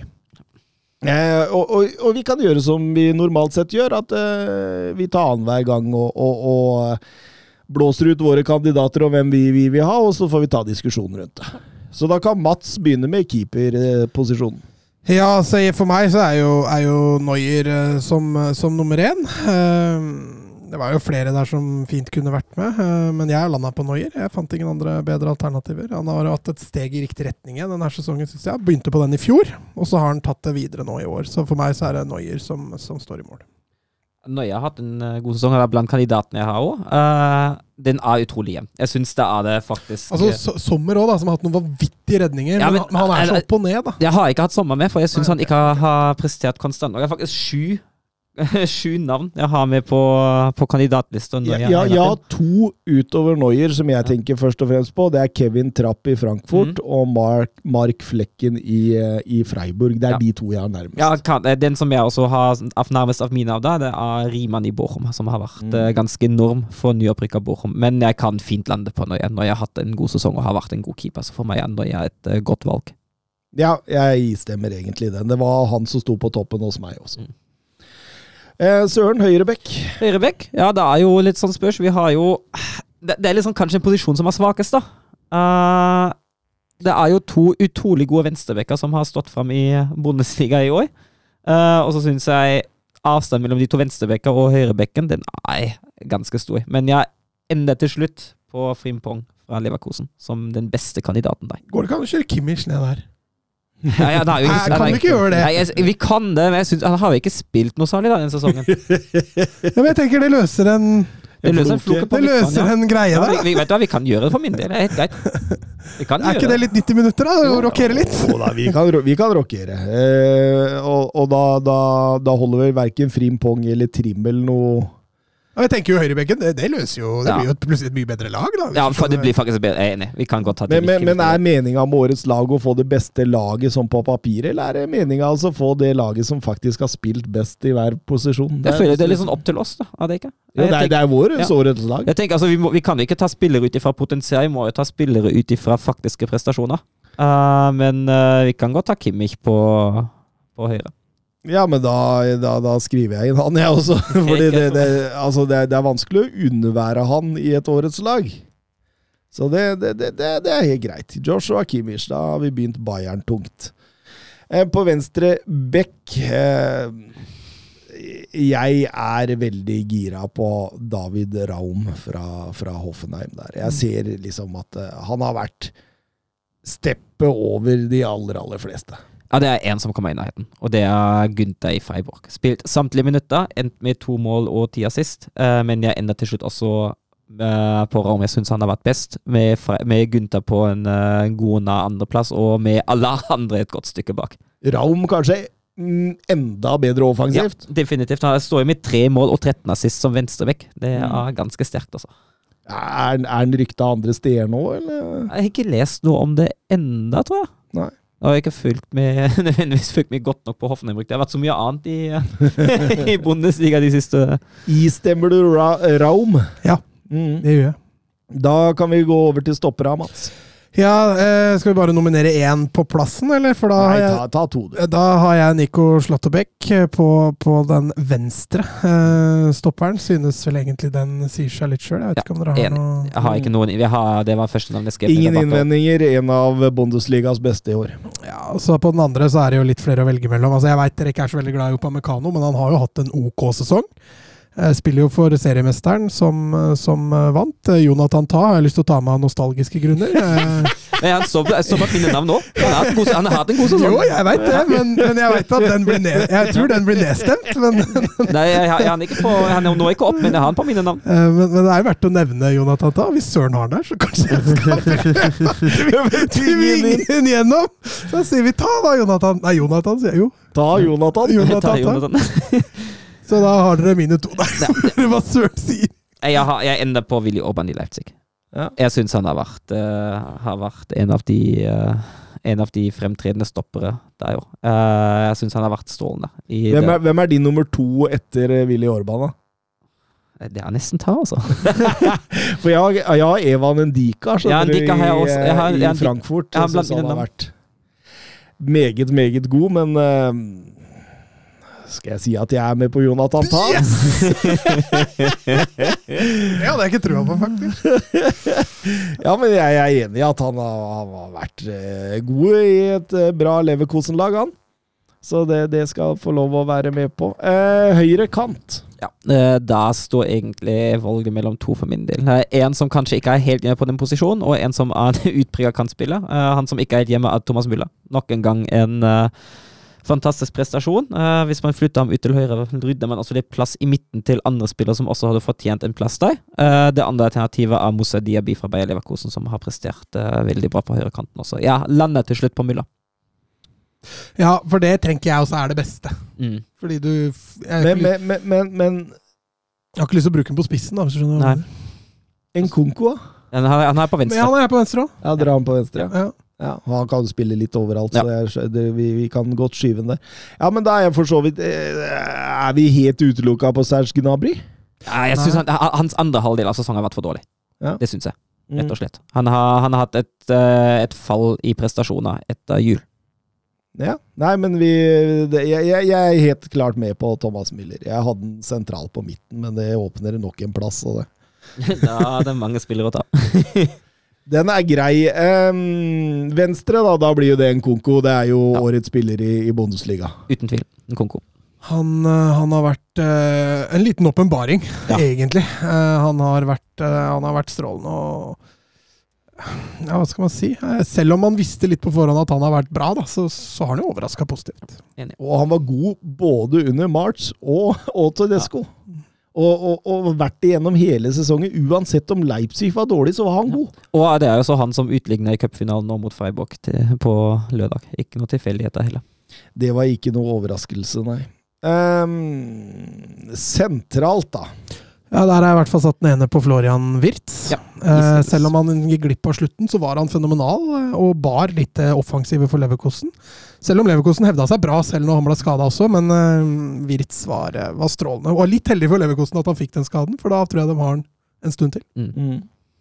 Ja, jeg er helt enig. Jeg skrev Wirtz ned, og da har jeg flytta Mulla ut.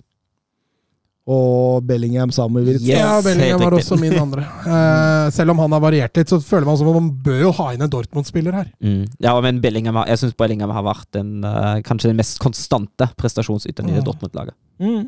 Så helt, eh, helt klart Veldig vanskelig å være To sinnssykt unge gutter sentralt. Ja, men det, det, er, det, er fint. Det er fint, og det, det er jo det er liksom Bundesligas uh, kjennetegn, da, at man har de unge, de fremadstormene. Og jeg er ganske sikker på at hvis Mosiala hadde fått enda mer spilletid, så hadde nok han også Ja, vært ja. i den diskusjonen. For han har vært enorm, han òg. Da har vi kommet til angripere. Ja, det er en som sier seg sjøl. det er Lewandowski. Å, det er ikke Modest? Nei, det, og så har jeg Jeg lander faktisk på Patrick Schick på en andre. Jo, jeg jo. Foran, eh, foran Haaland og foran Modest. En uh, Schick syns jeg har vært helt enorm. Haaland har vært litt prega av skader og har eh, På sitt beste er jo Haaland en fantastisk spiss, uh, men det konstante nivået har kanskje ikke vært der i like stor grad som hos Patrick Schick. Nok en gang et bevis på at Søren Dupker hater Haaland. Ja, men jeg har Schick, jeg òg. ja, det har jeg òg.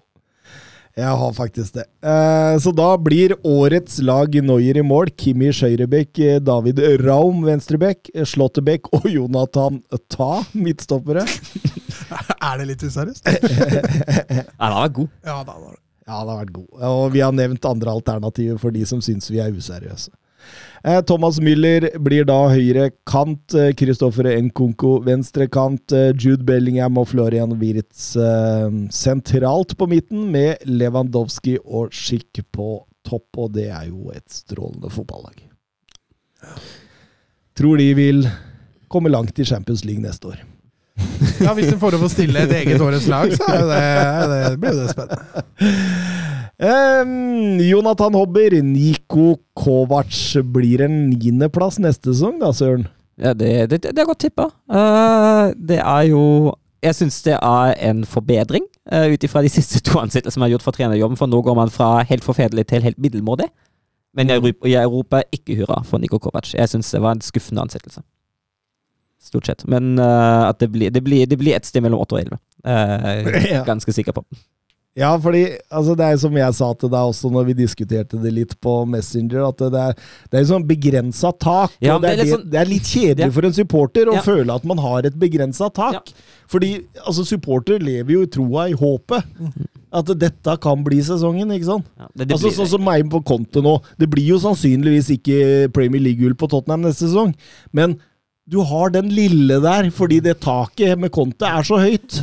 Og da var det én trener de siste åra som Wolfsburg har ansatt, der man ikke helt visste hvor taket var, eller der taket kunne vært litt høyt, og det var Glasner. Alle de andre hadde ganske begrensa tak. Uh, og det var én i forumet, som jeg så i Wolfsburg-forumet, som skrev at uh, ja, nå har vi ansatt uh, Balkan Labadia, og jeg er helt enig.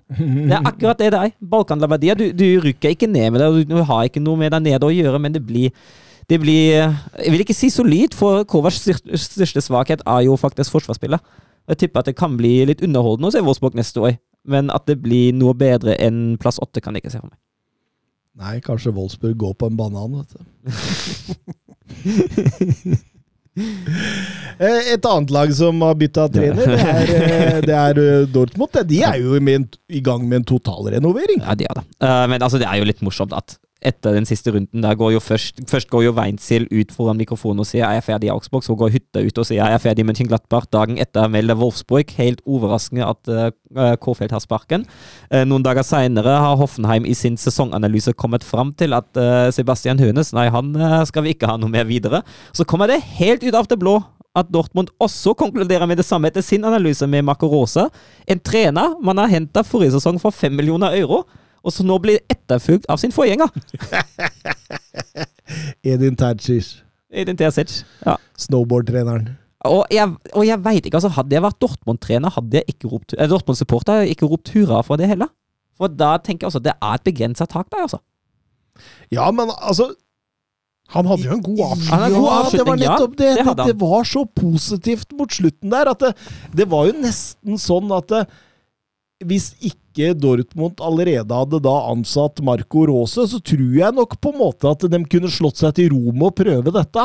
Fordi altså, når du har den utviklingen som det var, da, altså, fordi det var jo, det var jo totalt natta de første Ja, for sju, ingenting åtte, funka. ja, eh, kampene etter, eh, etter at uh, Favre var vel som fikk sparken. Ja. Og Men, Nei, altså, jeg, jeg, jeg skjønner dem litt. Hvis du skal på en måte Nå skal man starte en ny Altså, eh, Sebastian Kehl kommer inn og tar over dette. etter Michael Zorc, ja, han, ja. han har jo le levd hele livet sitt i klubben, så Absolutt, og du ser de har tatt opp Jamie Bino Gittens og han uh, Gyrpitz eh, har de tatt opp nå uh, fra egen, eh, egen stall der. Eh, Sally Østjan blir nok klar fra Köln. Ja, Eh? En Witzel-erstatter. eh, En sentral midtbanespiller. Ja, stråle, Han har jo hatt en strålende sesong i Köln. Eh, og, så, og så har de kvitta seg med, ikke sånn, med eh, Sagado, med Hitz, med, med Witzel, som du er inne på. Reinier og Pograsic går. Haaland den var litt dum, men eh, de har i hvert fall fått inn en sånn stedfortreder i. Han blir vel kanskje bare en stedfortreder som er der i forhold. Det kommer jo ikke til å bøtte inn sånn, men oppgraderinga på stoppeplass som er eh, det positive. Ja. Kan de, Ja, for særlig, særlig.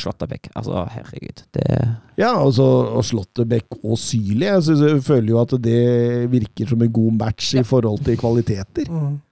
Så, så, så Nei, jeg syns det ser veldig, veldig spennende ut, rett og slett. Det at å bygge det nye Dortmund.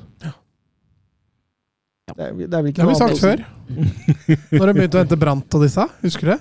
Ja, stemmer det. Stemmer det. Men jeg veit ikke helt om jeg er enig i at uh, Rosef skulle få sparken. Det, det er litt sånn altså, Litt tidlig. Litt tidlig, jeg syns det. Altså, når, du, når du henter først en trener for en forholdsvis stor overgangssum eh, Og han har jo, altså, Jeg er enig i at har, man har slitt med konstans, man har slitt særlig med det defensive. Men man havna til slutt ganske trygt på en annen plass. eh, Selv om han ikke klarte å gi Bayern kamp inn døra. Og jeg syns jo egentlig, med tanke på prestasjoner, at han kanskje hadde fortjent å starte det nye utviklingsprosjektet også. Jeg syns ikke han har gjort seg bort som Dortmund-trener. Han har hatt visse svakheter, eh, men at han har gjort seg bort, det er jeg ikke enig i. Det som var bekymringsverdig med han, det var at han gikk en hel sesong uten å finne balansen i laget. Mm. Jeg tror det er der de kan ha analysert seg fram til at, eh, at dette Men- kanskje Men det er litt med spilletypen han hadde òg, da. Skadeproblematikken. Altså det, var, det var en del ting å skylde på der, da, uten at du skal få gjøre det som trener. Så. Men jeg spør seg, har han forårsaket skadeproblematikken litt sjøl med feil belastning på trening? Har han brukt spillere for tidlig? Altså, klart Har han ignorert uh, anbefalinger og sånn, da kan han jo takke seg sjøl, selv, selvfølgelig. Men Det er bare, det, det, altså, det, er, det er bare ren spekulasjon. mm. jeg tenker jo, de har jo ansatte fysiske Mm. trenere, liksom, som skal styre litt av belastningene på trening, så jeg vil jo tippe at han ikke har bare skyld i det. Men eh, litt enig som du sier. altså har han fått lov å jobbe med en forsvarsrekke som består av Slåttebekk og, og Syle og, og Gureiro, kanskje? da, Altså fått inn en høyrebekk, kanskje? Ja, Meunier har har jo vært bra de, Ja, de kampene han han har Ja, han kan Jo. fortsette med han, selvfølgelig. Eh, Så, så ville jeg nok tenkt at det var mer positivt å jobbe med en, en Hummels og, og Goodbite hadde vi hatt ved siden av han innimellom. Akanji Zagadou Ja, men Akanji har Akanji faktisk vært den beste. i ja, men han har vært litt fraværende, han Ja, òg. han har. Han har jo ikke spilt så altfor mye, han heller. Zagadou har jo vært svak. Witzel, når han har fått prøve seg der, har jo vært katastrofe. Nisselue på henviser til, eh, til eh, avskjedsgaven Haaland eh, ga til lagkameratene, og en Instagram-post fra Morten Ramm hvor han får fram et lite poeng. Um, har vi fått et nytt kapittel om verdens snilleste mann? Nå har fyren brukt eh, tre fjerdedeler av ukelønna si på klokker til allerede søkkrike venner. Som Morten Ramm sier, det tilsvarer gaver til 236 kroner for en gjennomsnittlig nordmann. Og det er jo greit, da. Ja. Altså, jeg har aldri fått gaver fra kollegaer som har slutta. Jo, jo, forresten. Jeg fikk en uh, Freia melkesjokolade en gang fra en uh, som kom inn og takka for samarbeidet, og, og han la og i tillegg eh, bemerke i at eh, den var kjøpt på Narvesen, så han kosta 70 kroner. Ja, men det er godt under 236, da. Ja, ja. Men, men, men jeg, æ- Jeg så Aguero gjorde det, men er det veldig vanlig? Jeg, jeg veit ikke. Uh, Jeg men tenker jo det Når du har veldig mye penger, så tenker Ja. jeg det er lettere å kjøpe sånne gaver. det, det, det, det tror jeg egentlig òg. Og så altså, er det jo klart at norske medier altså, de gjør jo alt for å framstille norske toppidrettsutøvere som uh, ja. Men jeg tenker jo også det, da. Når jeg slutter i en jobb, så har jeg jo kanskje Kanskje et par tusen på konto, da. Ja. Så fly da og kjøpe 36 gaver, det, det frister ikke, altså. Men, men, men, men samtidig, jeg så denne Instagram-posten til Morten Ramm, og han tok jo også utgangspunkt i lønna han får i Manchester City. Han har jo ikke fått den enda. Så, så sannsynligvis, er denne, ja, sannsynligvis er denne gaven han egentlig dobbelt så stor. ja, men Jeg tipper jo at han har fått signeringsbonusen sin. Den er jo voldsom. Ikke like ville som Bappe. Nei, men fortsatt voldsom. Men det store spørsmålet er hva skjer med Robert Lewandowski, Søren Løpker? vent, Nei, jeg på vil ikke snakke noe mer om dette. Det er bare tull. Hva, hva, Vi har dårlig tid. Hva er bare tull. Jeg tenkte Når vi først er inne på nisselue, da, Ja, ok. Nisselue, ja. Så har jo han- og, han og jeg vi har skrevet litt på Twitter, og har da skrevet litt om uh, norske journalister uh, og deres til tider litt fraværende profesjonalitet jakta etter Eller i hvert fall hos noen, da. Uh, og jakta etter Haaland-overskrifter. At man på en måte mynta alt på Haaland, i hvert fall i den overgangsfasen før han hadde signert for en ny klubb. Og han ønsker vi skulle snakke litt om det. Mm, mm. Ja, altså norsk journalistikk det er jo et kapittel i seg sjøl, det. det. Er vi jo vant med det. Eh, så er det jo klart eh, Det er jo for å få klikk, tenker Ja. jeg. Det må jo være det. Eh, Når du leste nå, 'Norske Hertha Berlin overlevde'. Oh, det, hvis ikke det er å få klikk, Ja, det er da veit jeg ikke. Jarstein har vel ikke spilt i hele år, har han det? Og Bjørkan sitter vel stort sett på benken. Og da, da er det norske Hertha Berlin. Ja, Bjørkan kom inn har det kvarter før slutt i går. Noe sånt. Så det er litt sånn vinkling på det som, som kan være litt slitsom. Jeg er helt enig. Ja, men det er, det, er, det er jo grunnen til at Nisselue på har en Twitter-konto, er det ikke det? Jo, jo. Det forsvarer jo, forsvarer jo hans eh, Han kan jo ikke sitte og arrestere dette, han egentlig. Ja, dette må jo han sitte og hylle som fader. han. Helt Da har fantastisk. jo han noe å jobbe med. Fjørtoft er Guds gave til han. men, det, men det tror jeg det er òg, for han, han, han er mye på Fjørtoft, ser jeg.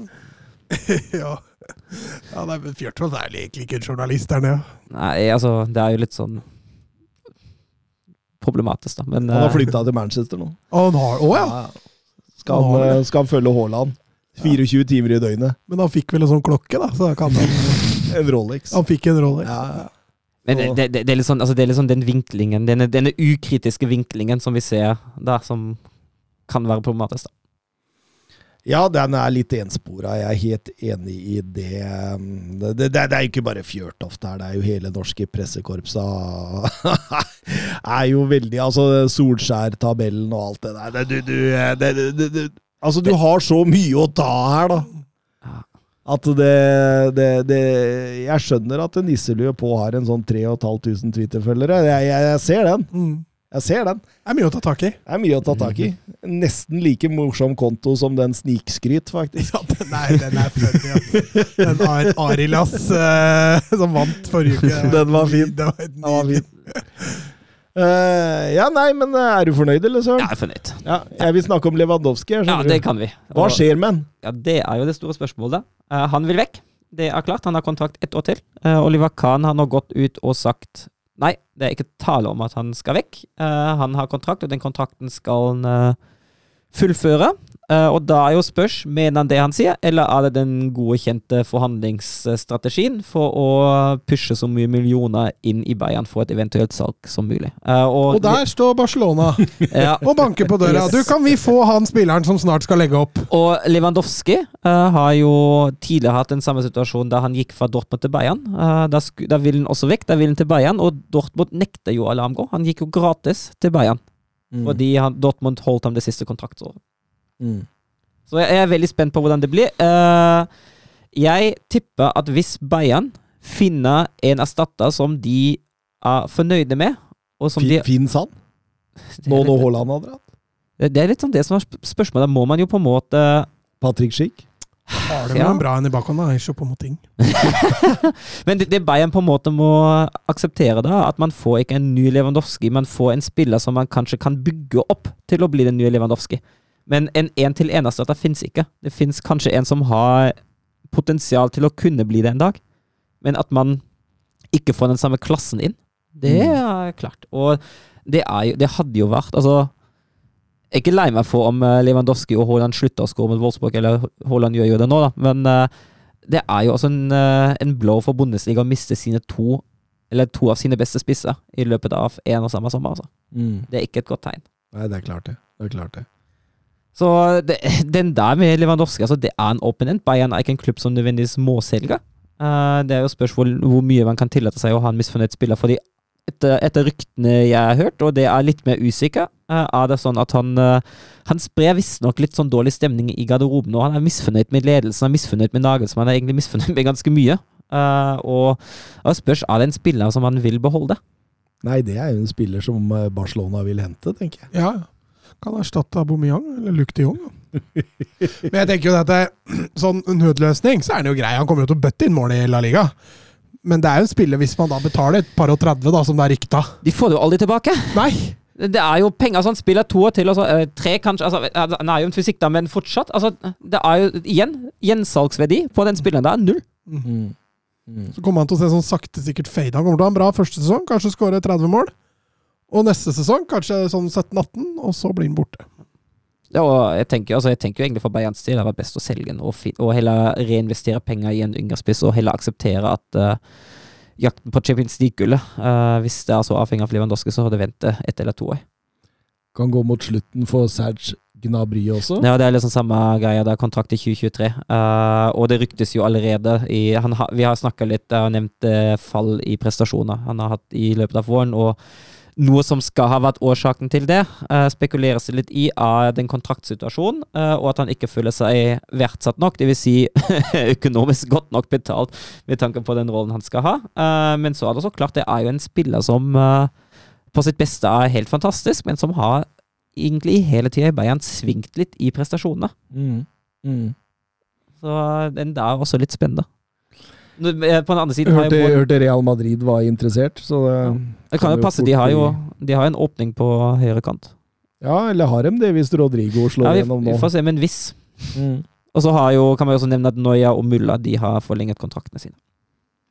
Ja, det er bra det er noen positive Ja, det, er- det er jo det neste Bayern. Bayern gir ikke med en ettårs forlengelse til spillere over 30.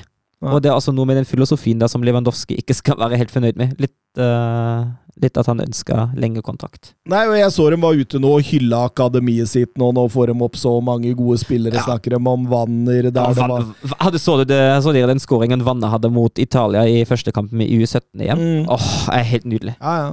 Eh, Vidovic, Sib, Scott, du har eh, Ibrahimovic, eh, ikke i slekt med Zlatan. Eh, du har eh, Yildiz, og dem, dem er jo også ute etter eh, Hoffheim, eh, Hoffenheims Tom Bischoff og, og eh, Stuttgarts eh, Lorin Ulrich nå, som skal være to ekstremt store talenter. Ja. Så det er åpenbart at de satser litt eh, ungt, Mats. Kan du si altså at Vanna er jo den yngste spilleren som har spilt uh, i Bundesliga i år, med sine 16 år og 15 dager da han fikk debuten sin. Stemmer det, det var under korona, det. Mm. Um, var det noen flere trenerbytter, Søren? Nei! Sånn som, jo, jo, Eh, jo Adi Hytter uh, Ja, det har vi jeg har nevnt den. Eh, Favre ser ut til å komme inn der. Eh, Skal, være, skal bli annonsert eh, hvert øyeblikk, i anførselstegn. Eh, Ryktes inn. Uh, Glattberg har nok uh, analysert seg fram til Altså, Hytta og laget skal ikke ha kommet helt overens. De skal ikke ha helt, eh, helt forstått den spillestilen der. eh, Noe som var litt rart med tanke på at de hadde en lignende trener i Råse. Eh, Men Glattberg skal nok ha analysert seg fram til at den troppen de har nå, egentlig egner seg bedre til possession fotball. Eh, og da ønsker de inn uh, Lucien Favre, og på retur der.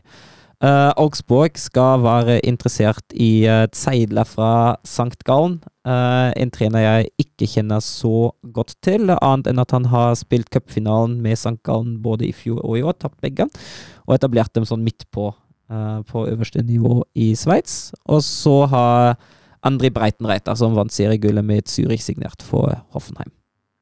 Vant vel ligaen med Sveits i Sveits ganske overlegent òg. Du var Mm. 14 poeng på basen. så- Og den er jeg litt spent på, fordi han um, Han har vært litt sånn helt ok Uh, i, uh, i Bundesliga før. Så har Schalke? Var det Ja. Schalke? Ja, han fikk ved Fuken da han var på femteplass. Mm. Uh, og det var med tanke på hvordan Schalke var, det var det en prestasjon. Og så har han trent Paderborn, og han får rykke opp med Paderborn og, og ned igjen. Uh, men i Zürich skal han visstnok ha, uh, ha fått det til å spille ganske underholdende offensiv fotball. Mm. Så jeg er litt spent på den. Uh, den, den der er et høyst usikkert kort, men den, den kan litt gå begge veier. Jeg, er- jeg er forsiktig skeptisk til Breitenreit i Hoffenheim, men vi får se. Absolutt, så kan vi jo nevne at Hertha Berlin beholdt plassen eh, på, eh, til fordel for Ja. Hamburg. Og Da blir det jo også trenerbytte, fordi Magath han var jo bare redningsmann. Og da Mm. ryktes Sandro Schwartz, tidligere Mainz, og nå Mm. Dynamo Moskva inn. Og cupfinalen ble vunnet på straffesparkkonkurranse. Ja. Av av RB Leipzig. Gunther og Dimirovic som bomma på sine straffespark. Hørte du siste rykte, Søren, om eh, hvilken spiss Seoane skal ha inn i, i Leverkosen? da? Nei, det gjorde jeg ikke, faktisk. Det er din store kjærlighet fra, fra fra EM, eh, Adam Hoslek. Åh, det hadde vært gøy.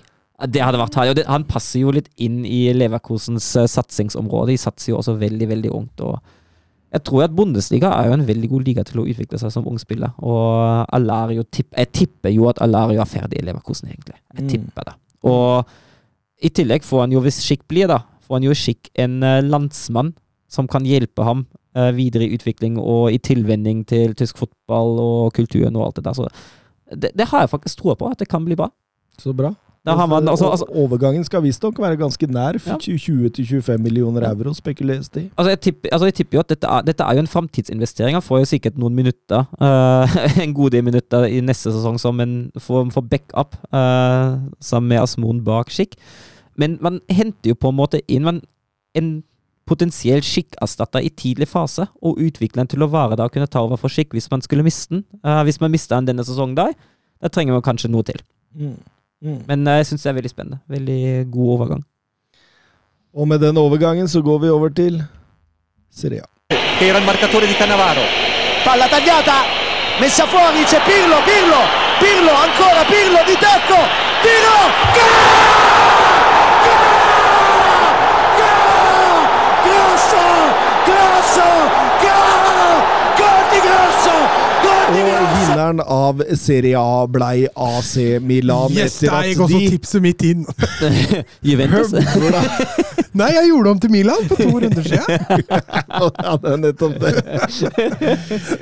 Men, eh, men, men de dem eh, vaska jo gulvet med Sassolo. Det var aldri noe tvil. Jeg syns de gjorde det bra, ja, med, tross på, med tanke på den, eh, det presset de spilte under. Og få en herlig spiller Rafael Aua. Og jeg har sagt det før, men åh. Hat trick i assist. Ja, åh det, er, det er bare topp og Ja. Nei, det var all i noe tvil om hvem som skulle vinne den kampen der. Imponerende å gå ut på den banen der med så stor selvsikkerhet. Det fantes ikke antydning til nervøsitet. Det var konsentrasjon, det var profesjonalitet. Sassolo hadde mer enn nok med å bare henge med i svingene der. og og det kunne vært mer enn 3-0 til pause, og egentlig. Og i annen omgang så bare trekker de det ned, sikrer litt mer, spiller på lavere risiko og, og, og, og spaserer seg til gull. Og det er jo voldsomt imponerende av Pioli, som vi egentlig dømte litt nord og ned, eller er det lov å si det? Eh, ja, vi kan si det. Uten noe mer kommentar. Ja, jeg hadde lyst til å føye til litt der, men eh, vi, vi lar den ligge. Ja, vi, gjør, vi, gjør, vi gjør det. Han gir til og med Zlatan Ibrahimovic sine siste 18 minutter, som kan være sine siste 18 minutter i karrieren. Ja, han eh, gjorde jo ikke det upåakta. Gikk jo ikke upåakta hen, det heller. Nei da, absolutt ikke. Ehm, så, så, så, så det er jo rett og slett strålende, og jeg, jeg er veldig imponert over Milan i denne sesongen her. Fordi det er ikke like bra lag som f.eks. Inter har eh, hatt denne sesongen. Men de, men de viser en soliditet, de viser en profesjonalitet. De har X-faktoren eh, i Rafael Leao. Eh, bøtte tette i forsvaret, egentlig. Eh, en Manja som har vært strålende. To bekker som leverer offensivt og defensivt hele tida. En Sandro Tonali som bare har blitt bedre og bedre og bedre for hver eneste serierunde som har gått. Og det Så er det vel noen sånn 16 poeng eller noe sånt bedre enn Juventus. Som også må smake veldig, veldig godt. Det er det ingen tvil om. Og det er den yngste Jeg tror faktisk det er det yngste laget som har vunnet Scudetto i, i eh, trepoengserien. Det er sterkt.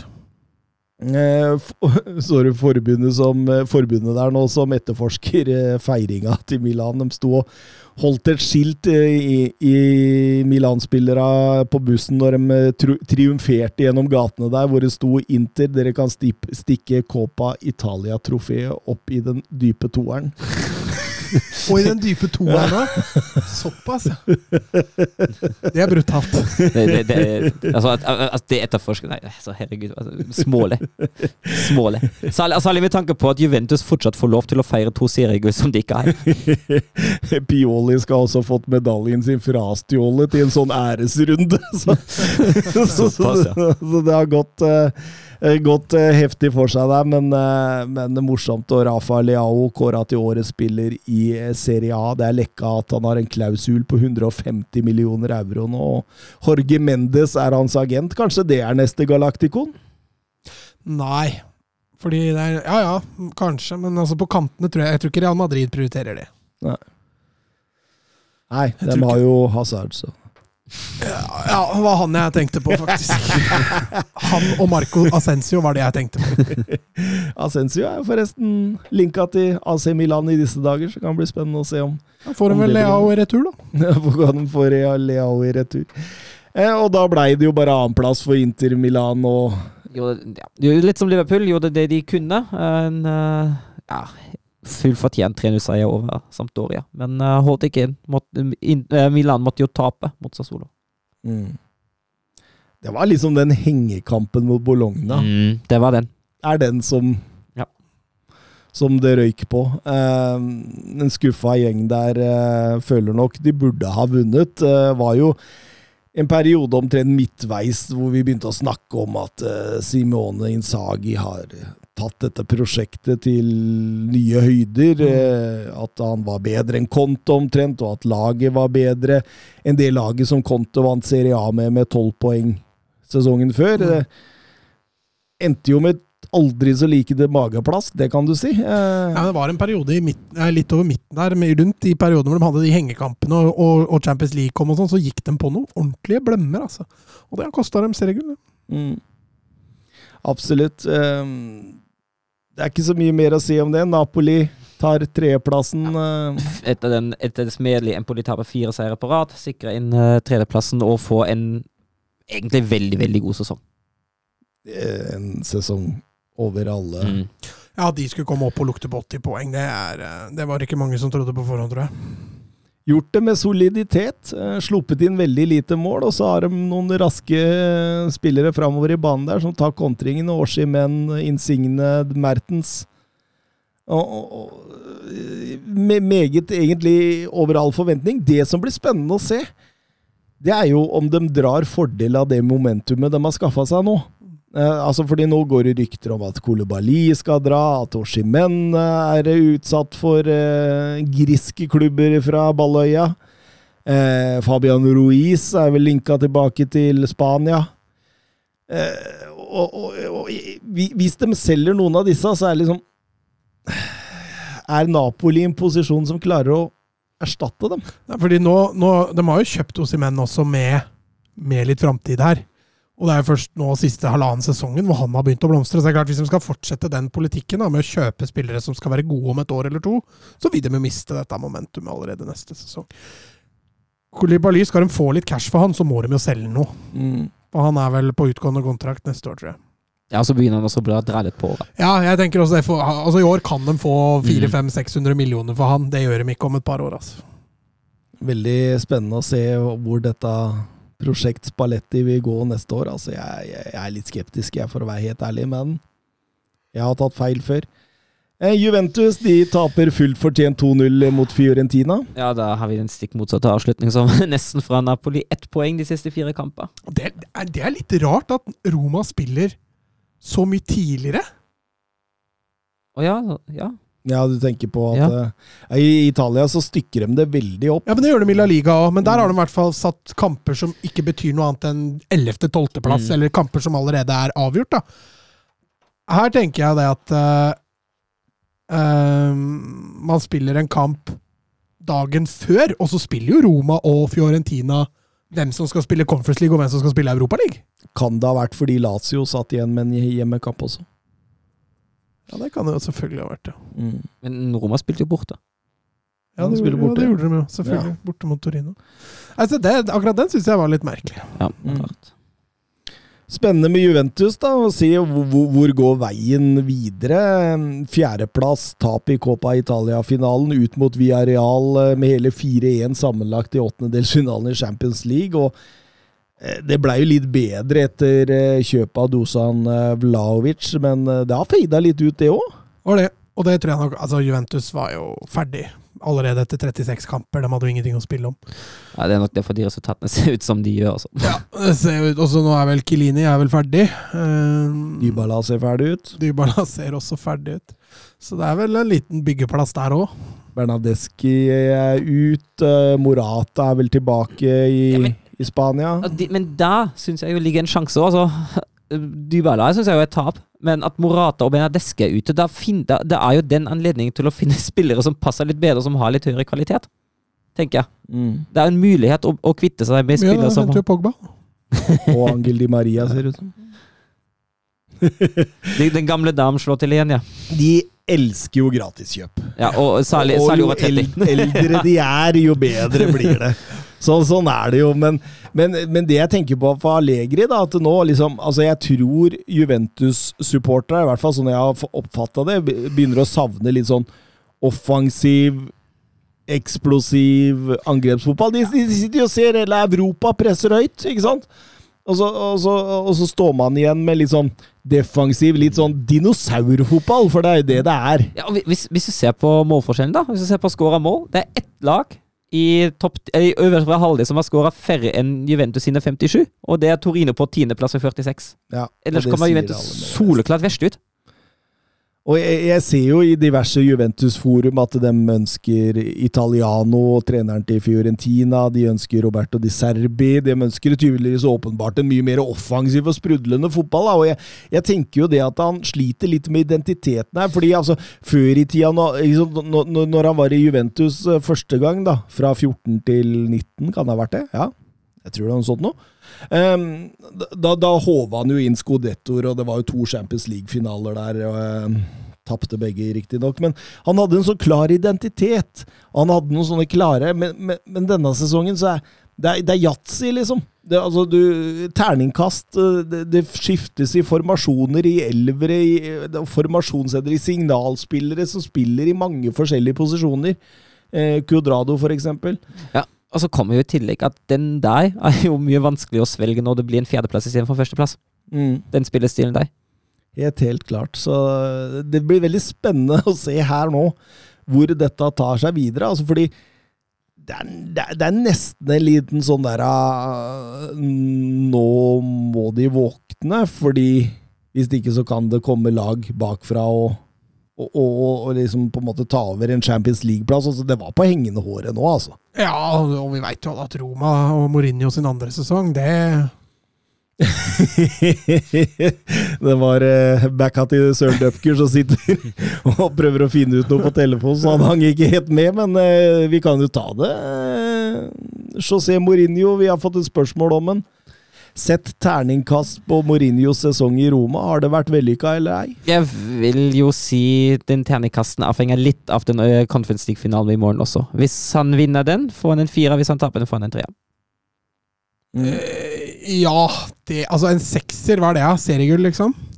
Ja, med Rom Altså, Altså, men, men, føler Altså, jeg hadde jeg, had- men, men, men, men vi, vi kan ta noen, eh, noen tall først, Mhm. bare for å, for å sette det.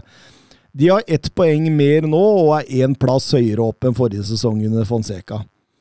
Eh, De har skårt, de har skåret færre og sluppet inn vesentlig færre. De har sju poeng unna Champions League. Forrige sesong var de 16 ut, ut uh, fra Champions League.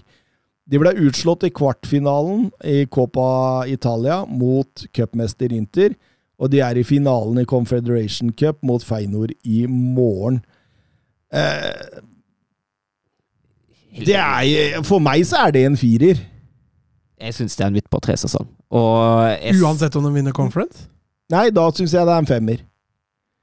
Fordi Ja, altså, det, det her litt- er det jo stigning. Ja, men det er derfor jeg spør, da. Hvis han hadde klart fjerdeplass og Champions League, da, da hadde jo det i min bok vært en klink femmer. Ja, klink. det har vært en femmer. klink. Ja. Men Og når det da blir sjetteplass, så bør, jeg er enig med deg, da bør det være en firer. Ja, det bør, bør det, hvis du da i ti også Ja, Men hva, hva er den trea, da? en treer, altså da, da, må, da, da, da er du jevnt. Da har du på en måte omtrent gjort det samme som Fonseca gjorde Ja, sesongen et, før. et poeng forskjell. Jeg syns jo det er det. Jeg syns jo det er en treer. Hvis, Ja, sagt, han har jo, han, han han har jo minska eh, avstanden opp til Champions League. Ja, men det er jo spørs om det kanskje skyldes de andre lagene like, i like stor grad som ham, da. Jo, men det blir definisjonsspørsmål. Ja, men- og jeg- jeg mener jo at det skyldes- Tallene sier jo at han har minska avstanden til Champions League. Ja, men jeg vil jo si at hvis han tar ett poeng mer, så skyldes det jo ikke nødvendigvis ham. Eh, Så Da har han jo tatt laget til en finale. En europeisk finale. ja, og hvis han vinner den, får han fire. Fordi hvis han taper den, har det ingen verdens ting å si. Ja, hvis han, ja men jeg, jeg er litt enig. Jeg syns han kan få en firer. Altså. Mm. Ja, nei, ja den er litt er, Vi gir den en firer nå, så ser vi. Vi to i hvert fall, så får Søren Jo, men jeg er litt Vinneren Conference League Ja, det er jo Champions League neste år, da. Nei, det er det Europa League. Europa. Europa, ja, det er det selvfølgelig. Og de får han jo uansett. Det får han uansett. Ja. Jeg ligger Ja. på en firer nå, så får han i hvert fall av han får en femmer av meg hvis han vinner Confederations Cup og blir den første manageren som gjør det. det, er det. Ikke bare det, han vinner faktisk alle de tre. Ja, Han er eneste manageren vel kanskje som er inne i Ja, det blir noe Det er ikke mange andre som har fått prøve seg! Ja, nei, det er riktig, det. Nei, det vil uh, være flott, og de um, Ja, de, de avslutta sterkt borte mot, uh, mot uh, Torino. Det er ikke bare å gå til Torino og møte et Ivan Juric-lag og vinne 0-3 borte. Nei, de hadde jo litt kniven på strupen òg. Tap der ville jo risikere at de kunne dette utafor Europaligaen neste år. Eh, også Conference League, faktisk. Så de, de var avhengig av et resultat og grinda ut en sterk 3-0-seier borte der. Tammy Abraham, 17 mål i Serie A, må tilbake til Rudolfo Folk i, eh, med 21 mål i 29-30-sesongen for å finne eh, en som har skåret flere i sin debutsesong for Roma. Det er, eh, det er en ålreit statistikk å ta med seg. Batistuta? skåra ikke han så mye? Ikke i debutsesongen sin. For han var jo knallgod i Fiorentina før han gikk til Roma. Mm. Ja, ok, ok. Det var i hvert fall det Oppda sa. Så da Da stoler vi på det. vi stoler på Oppda. Og så kan vi også ta med at Saris eh, Lazio spilte 3-T mot Hellas Verona i kanskje den morsomste kampen i avslutningsrunden i Serie A. Um, Nedrykksstriden Salernitana har klart seg. Så dere den tifoen til Men det var ikke Salernitana sin skyld. Nei, de, de fikk ond, men så dere den tifoen før kampen? Jeg, søkte den opp på YouTube. Den er helt enorm, altså. Noe av det beste jeg har sett på en eh, tribune på lang, lang tid. Mm. Var det bedre enn Vålerenga sin, som hadde Oslo kommunemerke? Det er Soloklart. Er ordentlig kul. Eh, ja, for du kan si at det er finske 37 år gammel Niki Mehempe som eh, på mange måter redda Salernitana der, med fantastisk keeperspill for Venezia mot Ja. Cagliari. Eh, altså, Salernitana bør sende bukett med blomster i retning finnen. En bukett med blomster også. De, de, vet du hva, de, bør, de bør bygge ham en helt egen badstue hjemme, altså. ja, det Jeg tror setter han mye mer pris på. Absolutt. Eh, Det var et ørlite håp for Genoa òg, men det gikk ikke Serie B neste. Men eh, Alexander Blessin bør være på radaren til andre klubber, syns jeg. Var jo død og begrava før, før han tok over der, og, og, og ga dem faktisk et håp. Og det, jeg tror det bare var et tøft kampprogram igjen som gjorde at de ikke klarte seg. De møtte jo alt som kunne krype og gå av topp sju der de siste ti serierundene, stakkar. Men eh, ja, vi har kosa oss med Serie A òg, vi. Eh, Det var jo underholdende. som alltid, og, og, og voldsomt Det var en av de ligaene hvor det er mest åpent. Mm. Mellom flere lag, liksom. Ja, absolutt. Du, du har jo helt ned på åttendeplass der Atalanta, som ja, de har vel sin svakeste poengfangst under Gasperini gjennom Gasperinis historie. Men, men jeg tenker jo det at du Altså Atalanta tipper man jo ikke som seriemester, men det er faktisk tre-fire lag i, i Italia som kan vinne serien neste år, sånn det er nå. Mm. I Tyskland så er det fortsatt bare én. I Spania er det fortsatt bare to. Og i Premier League er det fortsatt bare to. Mm. Så, og i Frankrike er det vel. Eh, Så eh, Italia er en av de mest åpne gullkampene, i hvert fall. og det er gøy. Det er gøy. Det er gøy. Vi kan jo, når du først er inne på Frankrike, ta oss en eh, tur dit også. sur la frappe de Messi de, Mercado, Mercado, oui. Mercado, et, et là aussi on a un petit peu de réussite. Griezmann sur l'appui, c'était bien joué avec Giroud. Oh. Sylvain Oh, Sylvain, il l'a vu Oui. Kylian Mbappé Kylian Mbappé, il l'a vu Ça fait 4 Et ça fait peut-être un quart de finale pour l'équipe de France. 68e minute. Oh, la joie collective parce qu'ils ont tous jailli du banc pour aller saluer cette passe décisive géniale de Giroud et ce doublé pour Kylian Mbappé. Og på lydklippet som introduserer Ligue League Ø, så er- skårer jo Kylian Mbappé, og det er vel kanskje den spilleren som har blitt mest omtalt eh, de siste dagene, for han takket nei til Real Madrid. De hadde ringt Florentino Perez personlig Den telefonsamtalen skulle jeg gjerne ha hørt. og eh, skrev en ny treårskontrakt med Paris Saint-Germain, som gjorde at han blei presentert før kampen mot Metz, og det så jo ut til å være et fyrverkeri for hele spillergruppa, fordi vaska gulv og loft med Metz, og det kunne vært så mye mer enn de 5-0 det blei.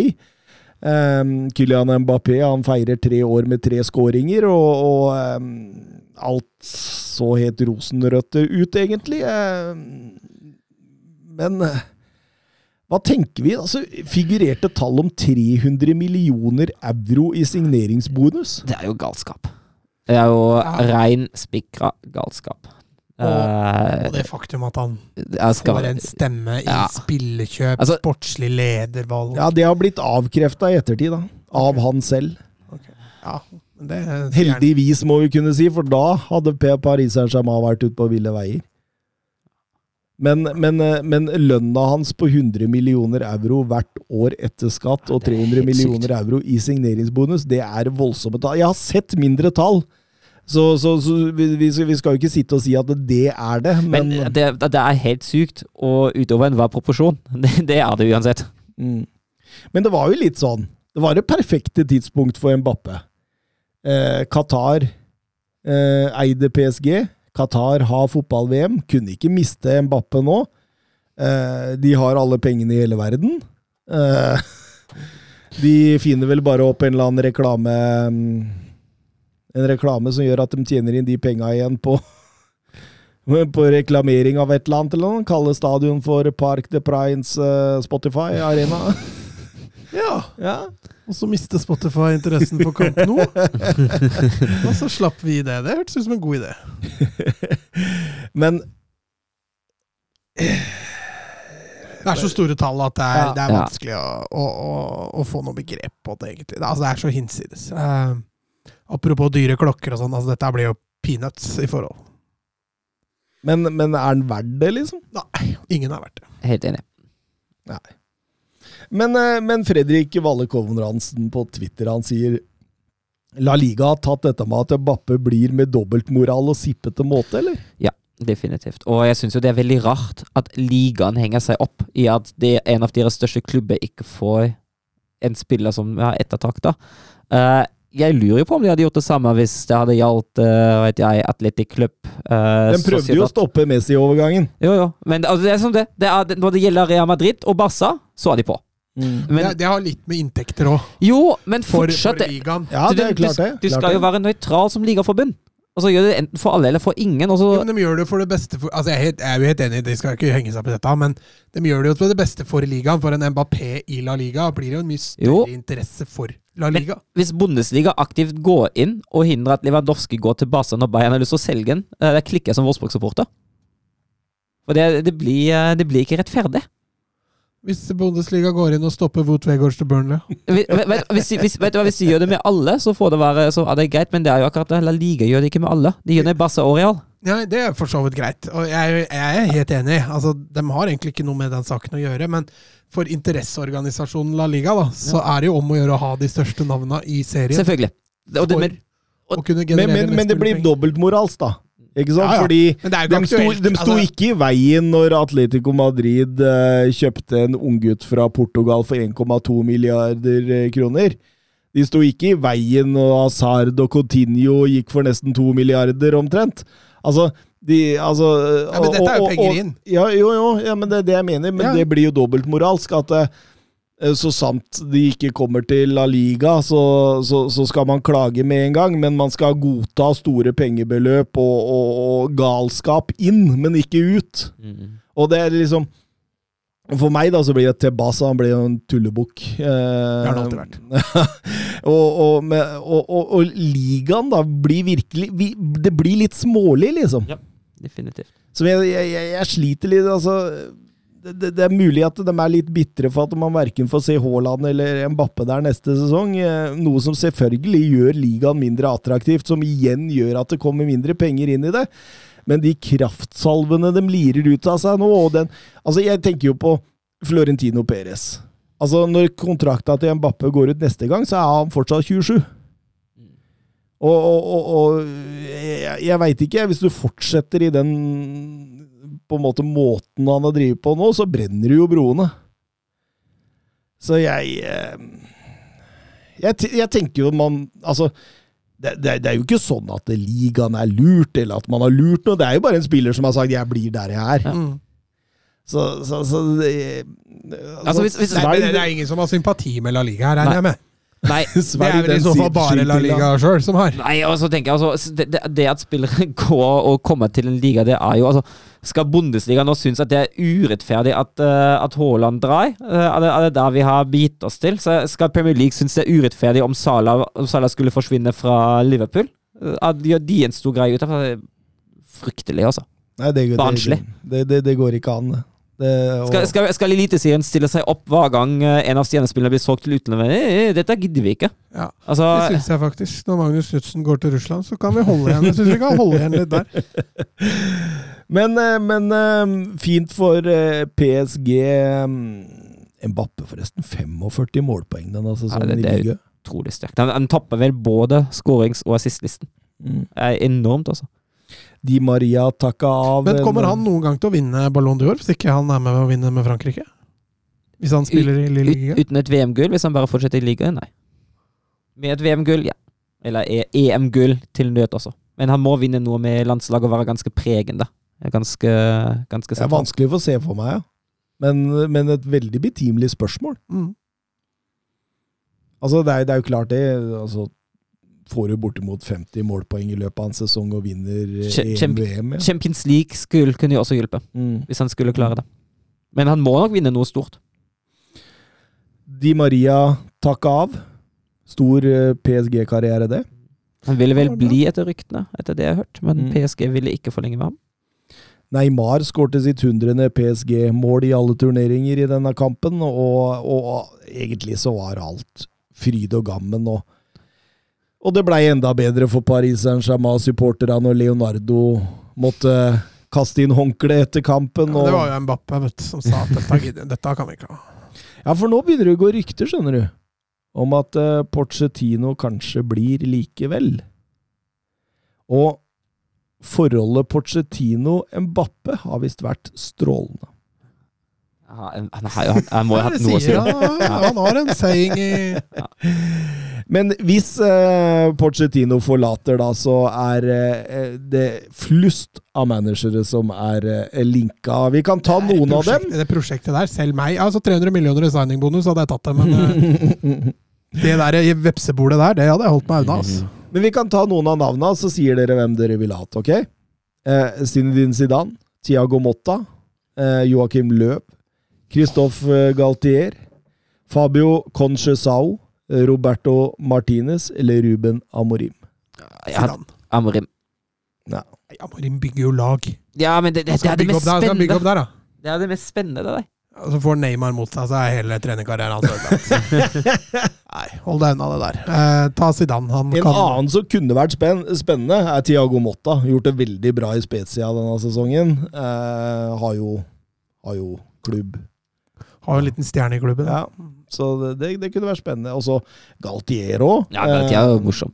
altså, Ja, han også bygger jo klubber, da. Ja, men nå er det jo det rene at uh, geniet og 90 minutter-hylla Luis Campos allerede skal ta over den posten fra Leonardo. Ja. Og um, jeg har sett i enkelte aviser at han uh, allerede skal jobbe med å få på plass en Frenkie de Jong-avtale.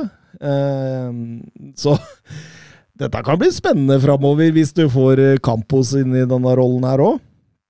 Da, da, da tror jeg i hvert fall PSG begynner å nærme seg riktig retning. Um, nok PSG. Det blei en uh, kamp til døra mellom Monaco og Veldig òg. 90 pluss 6. mellom Monaco og eh, Marseille om denne direkte Champions League-plassen. Mm. Det gjorde det. Eh, Det var eh, Marseille som trakk det lengste strået til slutt. Etter som sagt Søren sier, så kom Lans i det Ja, det var vel seks minutter på overtid eller noe sånt, når de eh, fikk 2-2 der, og, det glapp for Monaco. Ekstremt bittert for Monaco, altså. Ja, og liksom eh, Litt sånn Monaco-stoppera på det 2-2-målet. Altså, De har spilt strålende hele kampen igjennom, om Badiashil og Disasi.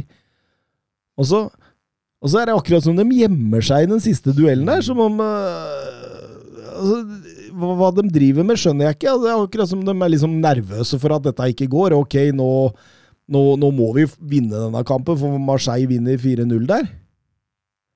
Så, så skårer jo Ganago, da. Setter den øh, uten noe som helst press eller noen ting, og da, da må de ut i en kvalik, Monaco, altså, men De fikser nok det, hvis de fortsetter den formen de har hatt nå. Så De har vel vunnet sju-åtte matcher på rappen der. ja, ni. Ni, Det ja. kunne vært ti nå. Mm.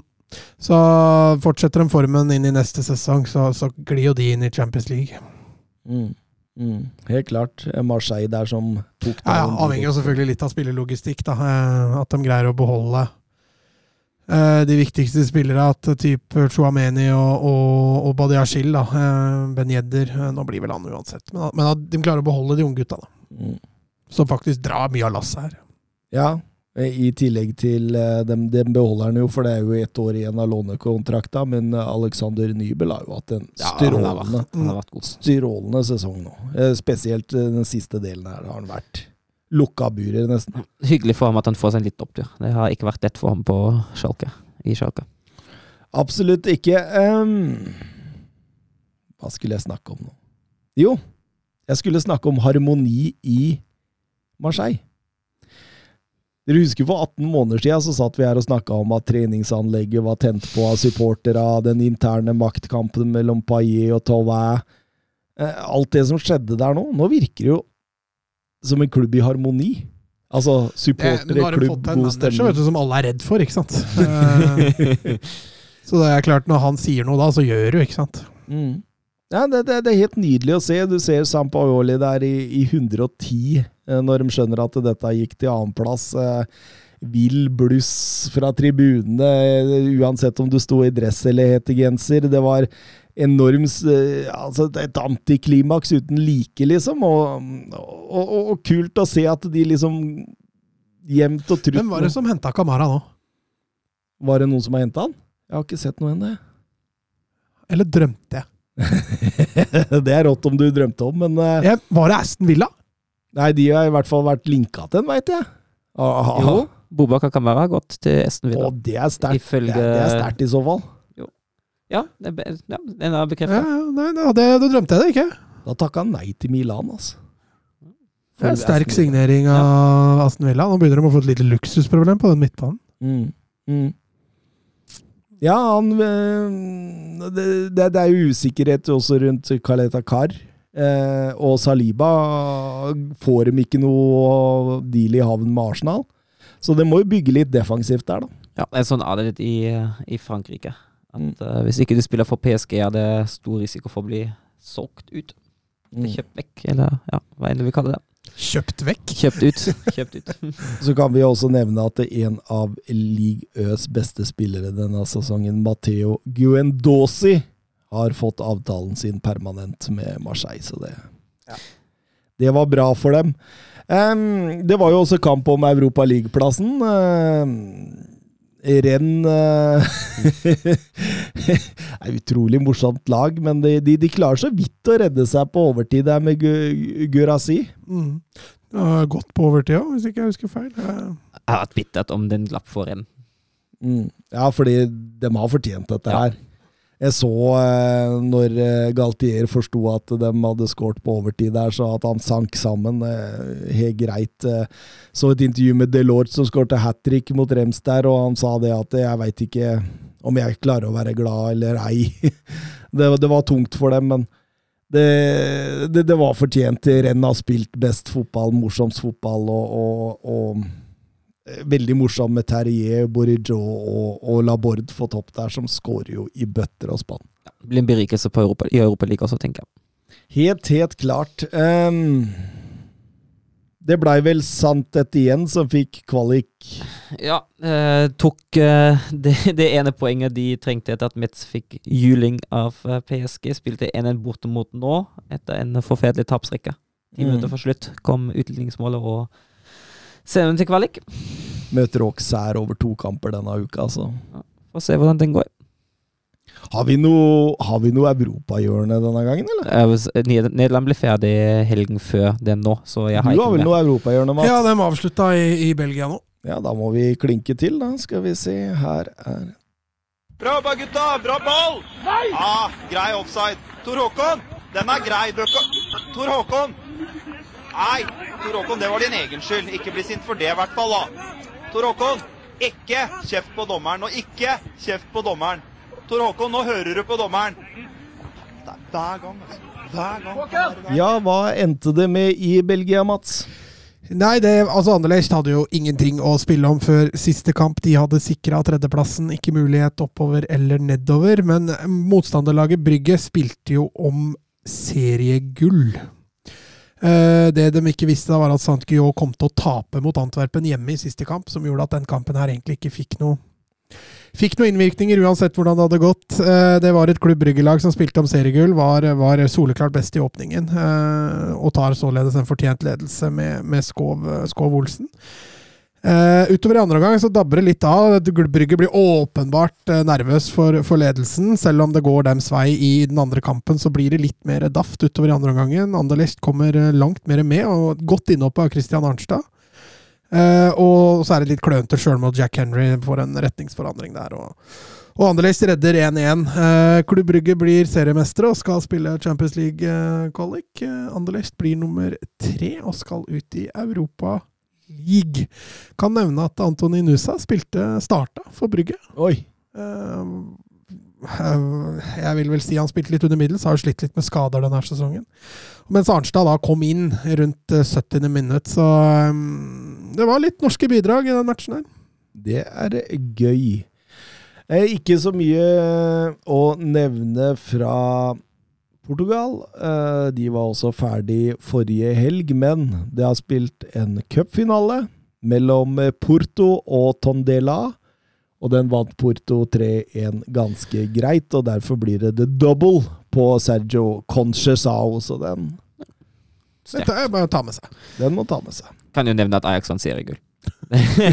For ca. to uker siden. Det var onsdag, eh, onsdag for to uker siden. Nei, i morgen, ja. For to uker siden. Åssen gikk den kvaliken? Det siste? Ten Hag har vunnet på en stund. Spiller de ikke om sånn europakvalik i, Engl- i Nederland? Kan godt hende. At de spiller om de siste plassene der? Jeg mener å huske det er noe sånt, ja. Jeg tar spøken min igjen. jeg. Det var det siste Ten Hag vant på lenge. oh, ja, ja. ja, det var litt funny. Det var, det var litt synd jeg ikke hørte det med en gang. Altså, Begge jeg- to åpner mobilene her for å finne det ut. her. Spenstig. Jo, de har en eller annen finale som spilles på torsdag og på søndag mellom Vitesse og AZ. Det vil si femte- og sjetteplassen. Ja, men jeg mener å huske den gir eh, europaspill, den siste plassen. Kan få tenkes. Artig, artig. Skal dere se Confederations-finalen i morgen? Nei, det blir jo krasj med LSK-derbyet, så Ja. det blir i så fall i opptak på fridagen på torsdag. Jeg skal ha på meg Roma-skjerf og Mourinho-caps, og så skal jeg heie fram eh, Roma. The special one! Yes. Juhu! Får, vi- får han det trofeet, så skylder Søren en øl. Det tror jeg ikke. Jeg tror vi tok ut Conference League. Det skal jeg finne ut av. Ja, det har du Men sagt skal- flere skal- ganger. men så først- lenge, Ja, så lenge lenge, du ikke ikke klarer å finne bevis for det. Både jeg og Thomas har hørt at du har sagt det, så du må finne bevis som motsetter Ja, vet du, Så lenge han ikke har vunnet, er det helt irrelevant. Men det gjør de i morgen. Han slår Feyenoord. Det frykter jeg òg. Så da blir, det, da blir det en øl der, altså. Og med det så takker vi for følget, og så høres vi igjen eh, i neste uke. Adjø. Ha det.